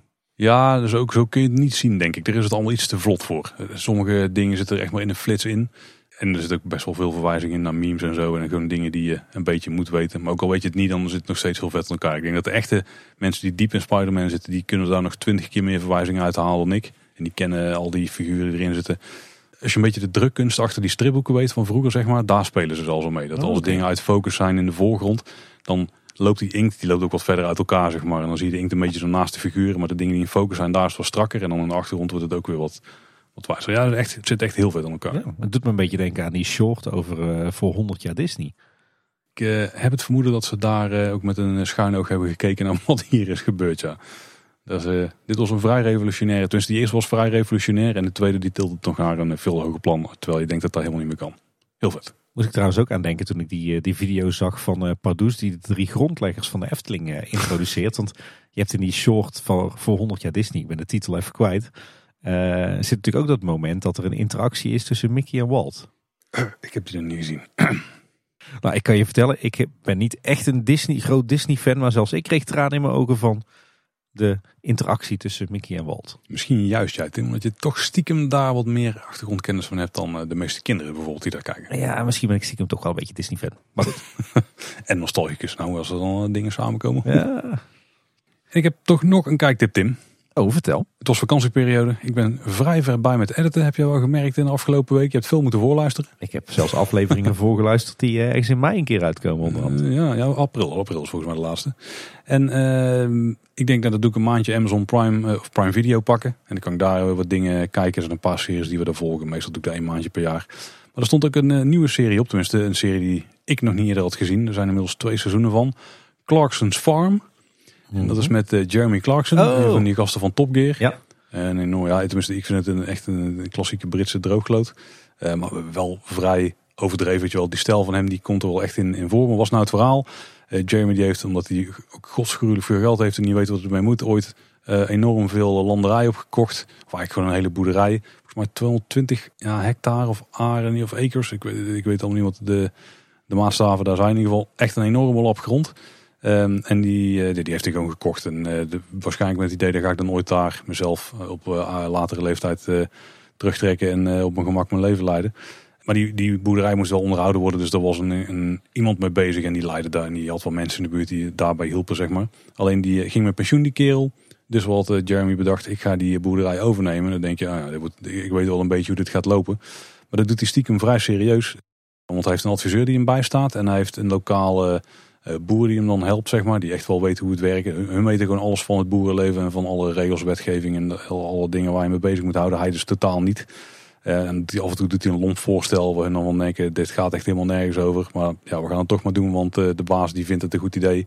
En waarschijnlijk denken ze, het is best entertaining om dat dan vast te leggen op video en daar een serietje van te maken. Maar omdat er dus mensen omheen lopen die echt wel weten hoe de vork in de stil zit, leer je enorm veel hoe het, het leven van een uh, moderne boer eraan toe gaat. En met welke wet en regelgevingen ze te maken krijgen. Het is wel allemaal in Groot-Brittannië natuurlijk. En die zijn dan net uit de EU gestapt in het eerste seizoen. Dus dat heeft dan ook nog impact op, uh, op de regels. En hoe het er gewoon naartoe gaat op zo'n op zo'n boerderij. Maar ook wat het, tussen, wat het mooi maakt en uitdagend en zo. Zeg maar. Dat wordt eigenlijk best wel goed in beeld gebracht. Het tweede seizoen is al iets serieuzer. Dan, dan komt er ook heel veel oneenigheid met de buurt bij kijken. Laat het daar ophouden, zeg maar. Dat is een beetje de rode draad. Maar ik, ik heb daar stiekem ook nog best wel veel van geleerd. Gewoon over hoe je land bewerkt, maar ook gewoon regeltjes of, of het, zeg maar, hoe er met materiaal worden omgegaan zodra ze van het veld af worden gehaald en wat er dan mee gebeurt en zo. Best wel stiekem een mega interessante serie. Oh, dat klinkt super interessant. Ik, ik, ik zie inderdaad wel eens wat uh, van voorbij komen en ik hoorde veel positieve verhalen over, ja. Als ik dan trouwens nog één klein tipje mag doen. Op dezelfde streamingsdienst staat ook James May, Our Man in Japan. Ah, ja. James May is sowieso ook een mooi uit het trio van Top Gear presentatoren. Maar uh, vooral die uh, Our Man in Japan serie die is echt, echt vet grappig. En je leert ook heel veel over een uh, heel vet land. James May is eigenlijk wel een beetje de Paul Sprangers van het, het trio achter Top Gear, zit ik bedenken. Mr. Slow. Ja. Ben ik nou heel erg beledigend? Ja, ik denk dat er uiteindelijk de meeste affiniteit mee heb. Ja. Het is wel de beste humor, denk ik. Ja, maar ik, ik heb niet zo'n mooi kapsel als hij. Nou, ik moet zeggen, ja, je weet hoe weinig ik heb met, uh, met auto's. Dat weet ik, ja. Helemaal niks namelijk. Het is, het, is, dat ik er af en toe eentje nodig heb, maar dat is alles wat mee gezegd. Maar zelfs ik heb altijd met veel plezier naar Topkeer gekeken. Ja, nou, ik ook altijd. Maar dat komt waarschijnlijk door de Britse humor. Ja, en die, op een gegeven moment ken je het recept wel. En dan weet je dus ook hoe zo'n Jeremy dan, wat zijn stijl is, zeg maar. En je weet dus dat ook in die serie dan wel door hebt, maar toch kun je er wel omheen kijken. Ook al weet je van zo gaat het, dan pak ze toch serieuzer aan dan zo'n sketch die dan vaak in Top Gear vrij gescript en zo zat. Dat is hier eh, zeker niet altijd het geval. Oh, en dan mag ik nog even een lans breken voor Gerald. Wat echt de allercoolste kerel uit de hele serie is. Dat mag. Ik weet niet over wie het hebt, maar ik geloof Over Gerald? Ja. De head of security en hekkenbouwer. Muurtjesbouwer. Ik zou het gewoon gaan kijken, dan weet je precies wat ik bedoel. Tim, jij nog eh, spannende dingen meegemaakt? Nou ja, laten we beginnen met iets, uh, iets heel positiefs. Ik denk dat uh, we allebei wel uh, de ervaring hebben dat lang niet altijd de toiletten in de Efteling om over naar huis te schrijven zijn. Hè? Wisselend, wisselend. Wisselend inderdaad. En ik had nou in de eerste week van januari toch een, een fijne toiletervaring. Wij gingen naar, naar de wc bij uh, Jokinjet, Reisrijkplein. Oh, maar dat is wel een van de laatste waar ik had verwacht dat je zo'n ervaring had. Dan ben ik heel benieuwd. Ik zit uh, helemaal klaar. Nou inderdaad, die, kan, die wc die kan heel erg druk en smerig zijn. Hij was ook druk, maar er stond een, nou, ik denk een nieuwe toiletdame, want ik ken er nog niet. Die stond bij de deur mensen te verwelkomen. De toiletten waren spik en span. Er ging een lekker geurtje. Ze was continu bezig met mensen aan de praat, poetsen. Nou, je kon er echt van de vloer eten. Het was echt fantastisch. Ja, je zegt er nou, en ik denk dat het toch wel een gouden formule is. Ik denk het feit dat er iemand bij de deur staat, dat het er al voor zorgt dat heel veel mensen een stuk properder met die toiletten omgaan. Ja, maar het was echt een multitasker, want ze stond bij de deur, maar ze was ook alle toiletten volgens mij na ieder bezoek aan het poetsen. Ja, het was gewoon echt, het was echt een fantastische ervaring. Dus ik weet niet wie ze hebben aangenomen, maar uh, houden. dit is een gouden houden. Ben je nog op andere plekken naar het toilet geweest, Tim? ja, veelal thuis. Maar uh, nou ja, het was natuurlijk kerstvakantie. En ondanks dat wij uh, gewoon doorwerkten, waren natuurlijk ook wel een heleboel extra dagjes vrij. En, en wij hadden een heleboel winterevenementen uh, in Nederland op ons verlanglijstje staan. En we hebben er stiekem ook best wel een aantal uh, leuke afgetikt. Vertel. We zijn naar uh, winter op Paleis het Loo geweest. de eerste keer dat Paleis het Loo weer open is in de winter. En daar hebben ze best wel een leuk evenementje rondgebouwd. het paleis zelf is heel mooi uitgelicht aan de buitenkant. Het hele buitenterrein is helemaal aangekleed met, met kerstbomen. Super sfeervol. En wat leuk is, is dat ze alle kamers in het paleis die verschillende jaartallen uitbeelden, dat ze die ook allemaal hebben aangekleed met kerstversiering uit de tijd of de periode waarin die, ja, die kamer zich bevindt, zeg maar. Dus dat eh, was een, een hele toffe ervaring. En natuurlijk is het, het Junior Paleis daar, eh, als je het dan toch hebt over innovatie, eh, is en blijft een hele toffe toevoeging voor de kinderen. Dus dat was een heel tof bezoek. we zijn ook nog naar Winterstation geweest. Het, het winterse evenement in het Spoorwegmuseum. Sowieso al een heel tof, attractief museum. en wat ze daar hebben is echt een prachtige ijsbaan. Lag er trouwens ook super strak bij. Maar die werd ook uh, continu bijgehouden door verschillende ijsmeesters. Die ja, zelfs gewoon de, de baan schraapten. Zodat er niet te veel uh, ja, van, het, uh, van het schaafsel mm -hmm. van ijs op de baan lag, zeg maar. Is het niet nog ergens verkopen als uh, Shaven, shaven Ice of weet dat speel? Shaved Ice? Zo zag het er wel uit, ja, inderdaad. Nee, maar echt een gigantische ijsbaan in die hal met al die locomotieven. Trouwens, de ijsbaan bevindt zich sowieso rondom een, een locomotief. Dus dat is heel bijzonder. Hm. En sowieso in het hele museum mooie winteraankleding. Uh, je kunt er marshmallows roosteren. Er stond nu een prachtige originele houten draaimolen van, nou ik denk toch zeker een jaar of 150 oud. Echt heel mooi. En wat, wat stiekem toch ook wel heel mooi was, is dat uh, het bestaat natuurlijk uit, uit het nieuwe spoorwegmuseum, maar ook uit het oude Malibaanstation, wat helemaal is gerestaureerd. En er stond echt een prachtige, imposante kerstboom in, in, de, in die hm. stationshal. Dat voelde ook heel, ja, echt zeg maar. Dus dat was, uh, blijft een heel mooi evenement, Winterstation. En we zijn ook nog met de kids naar het Noord-Brabants Museum geweest hier in Den Bosch. Niet voor de Efteling tentoonstelling deze keer. Dat is al een tijdje weg. Ja, maar we wilden eigenlijk naar uh, de tentoonstelling rond de familie Breugel. Daar kwam er niet van. Want het bleek dat ze een hele toffe speurtocht voor kinderen hebben voor de uh, vaste collectie van het Noord-Brabants Museum. Die wij toch alweer een tijdje niet gezien hadden. Die heet Op Safari. En dan gaan de kinderen eigenlijk op zoek, of ze hebben eigenlijk een soort raadje plaatje op een A3'tje.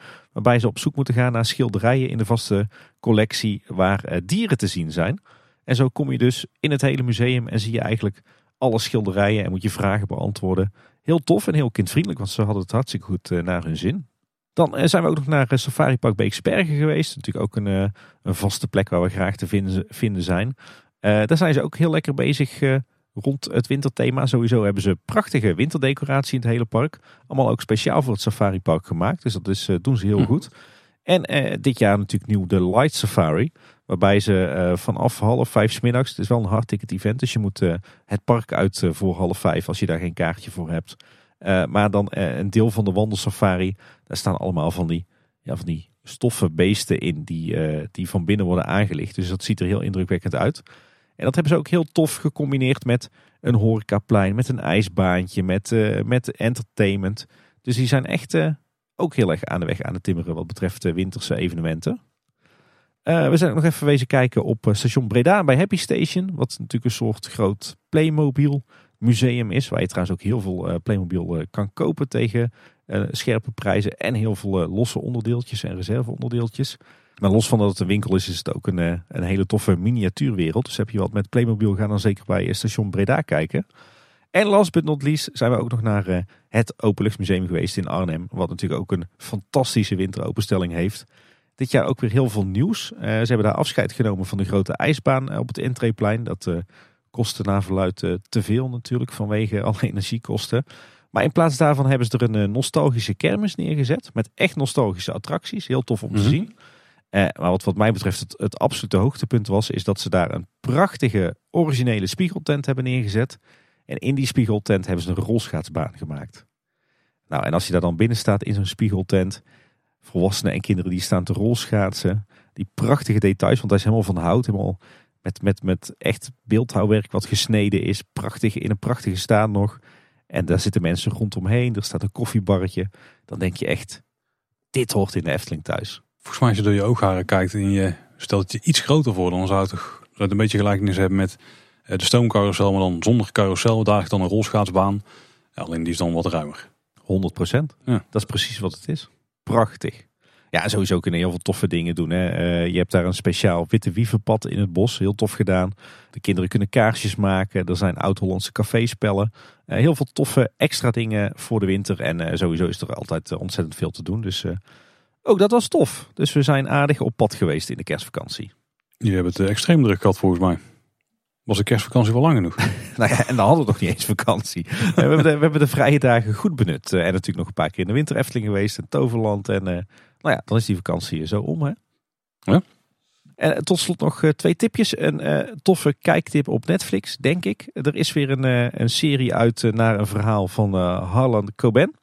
Oh ja, die heb ik ook zien staan. Die staat ook op mijn kijklijst. Fool Me Once. En als je vaker naar series kijkt, naar de verhalen van Harlan Coben, dan weet je dat dat over het algemeen echt fantastische series zijn. Nou, dit is er echt eentje, echt een topper. Een ontzettend spannende, snelle serie met iedere aflevering een plotwending. Je bent echt aan de buis gekluisterd en je wil hem eigenlijk gewoon uh, bingen. Dus uh, heeft niks met de Efteling te maken of met pretparken, maar echt een vette serie. Fool Me Once. En ik heb uh, met heel veel dank aan jou, Paul, een nieuwe podcast ontdekt. Ah ja. Ik was stiekem al een beetje fan van de Belgische podcast Geschiedenis voor herbeginners. Maar ik ben nu ook aan het luisteren naar de Britse tegenhanger. The Rest is History iets minder verhaal gebracht dan geschiedenis voor herbeginners. Maar er zitten twee, volgens mij zijn beide professoren in uh, geschiedenis, wel met eigen specialismes. En die uh, bespreken allerlei ja, wisselende onderwerpen uit de geschiedenis. Wat heb ik laatst luisteren? Eh, een hele serie over JFK, over die, uh, over die moord. En alle complottheorieën die erover rondgingen. En hoe waar of niet waar die waarschijnlijk zijn. Ik heb dingen over China zitten luisteren, over Mao Zedong. over de culturele revolutie daar. Over mensen die groot genoemd werden in historie. En wie daar misschien eventueel nog voor in aanmerking zouden komen nu. Ze volgens mij meer dan 500 afleveringen. Ze gaan richting de 600 of zo. Ja, klopt. ik, ik, ik zocht die podcast op in mijn podcast app. En ik dacht, jeetje, wat een hoop afleveringen. Ik dacht, nou weet je wat, ik ga even cherrypicken. Dan, uh, dan vink ik al afleveringen aan die ik wil, uh, wil luisteren. En dan blijf ik vast over met uh, vijf of tien interessante afleveringen. Maar toen had ik gecherrypicked en toen kwam ik erachter dat ik 60 afleveringen had ja. geselecteerd. Dus dat schoot niet echt op. Ik pak er altijd vier of vijf uit. En als ik dan er één ben, dan kijk ik wel wat de volgende weer gaan worden. Ik heb geen idee wat er allemaal tussen zit. Hele toffe podcast in ieder geval. Ja, zeker voor de geschiedenisliefhebbers. En dan zijn we aangekomen bij het einde van de aflevering. Heb je nou een vraag voor ons of wil je iets anders kwijt? Dan kan dat via social media. Als je naar kleineboodschap.com slash volgen gaat, dan vind je alle plekken waar wij online te vinden zijn. En als je dan toch op de website bent, dan vind je er ook ons contactformuliertje. En wil je nou een mailtje sturen, dan kan dat naar info.kleineboodschap.com. Nou is het zo dat we hopen dat op dit moment de nieuwe merchandise in de shop staat. Dus als je naar uh, kleineboodschap.com gaat en daar klikt op shop of, of, slash shop achter de URL tikt, dan kom je er uh, ook uit. Dan kun je daar uh, alle hopelijk chique nieuwe items vinden die Nicky Steenkers voor ons heeft ontworpen. Echt heel vet. En uiteraard kun je samen met ons kijken naar de legende van de familie Vos in de bioscoop in Waalwijk. Inclusief een voorpraatje en vooral die review naar de rand samen met Bjorn Bouws. Daar heb ik al heel veel zin in. Ja, dan nemen we gewoon live een nieuwe aflevering op. Zeker. Hey, en Kleine Boodschappen luister je natuurlijk in je favoriete podcast app of op Spotify. Luister je ons nou daar, zorg dat je je abonneert. Dan mis je geen enkele aflevering. Ook niet de bonusafleveringen die we af en toe uitbrengen. Uh, en daarnaast kun je de podcast natuurlijk ook gewoon luisteren op onze website. Nou, je snapt, dat is kleineboodschap.com. Daar vind je bij de afleveringen ook alle show notes. En dat zijn de relevante linkjes die we bespreken in de afleveringen. Daarnaast kunnen we het ook uh, altijd heel erg waarderen als je een rating of een review achterlaat. Dat kan uh, bij Apple Podcast en op Spotify. En wat natuurlijk helemaal tof is, is als je kleine boodschap tipt bij vrienden of bekenden die, uh, die de Efteling ook een warme hart toedragen. Zeker. Nou, dat was weer voor deze week. Bedankt voor het luisteren. Tot de volgende keer. En houdoe. En hij staat op een shirt. Houdoe.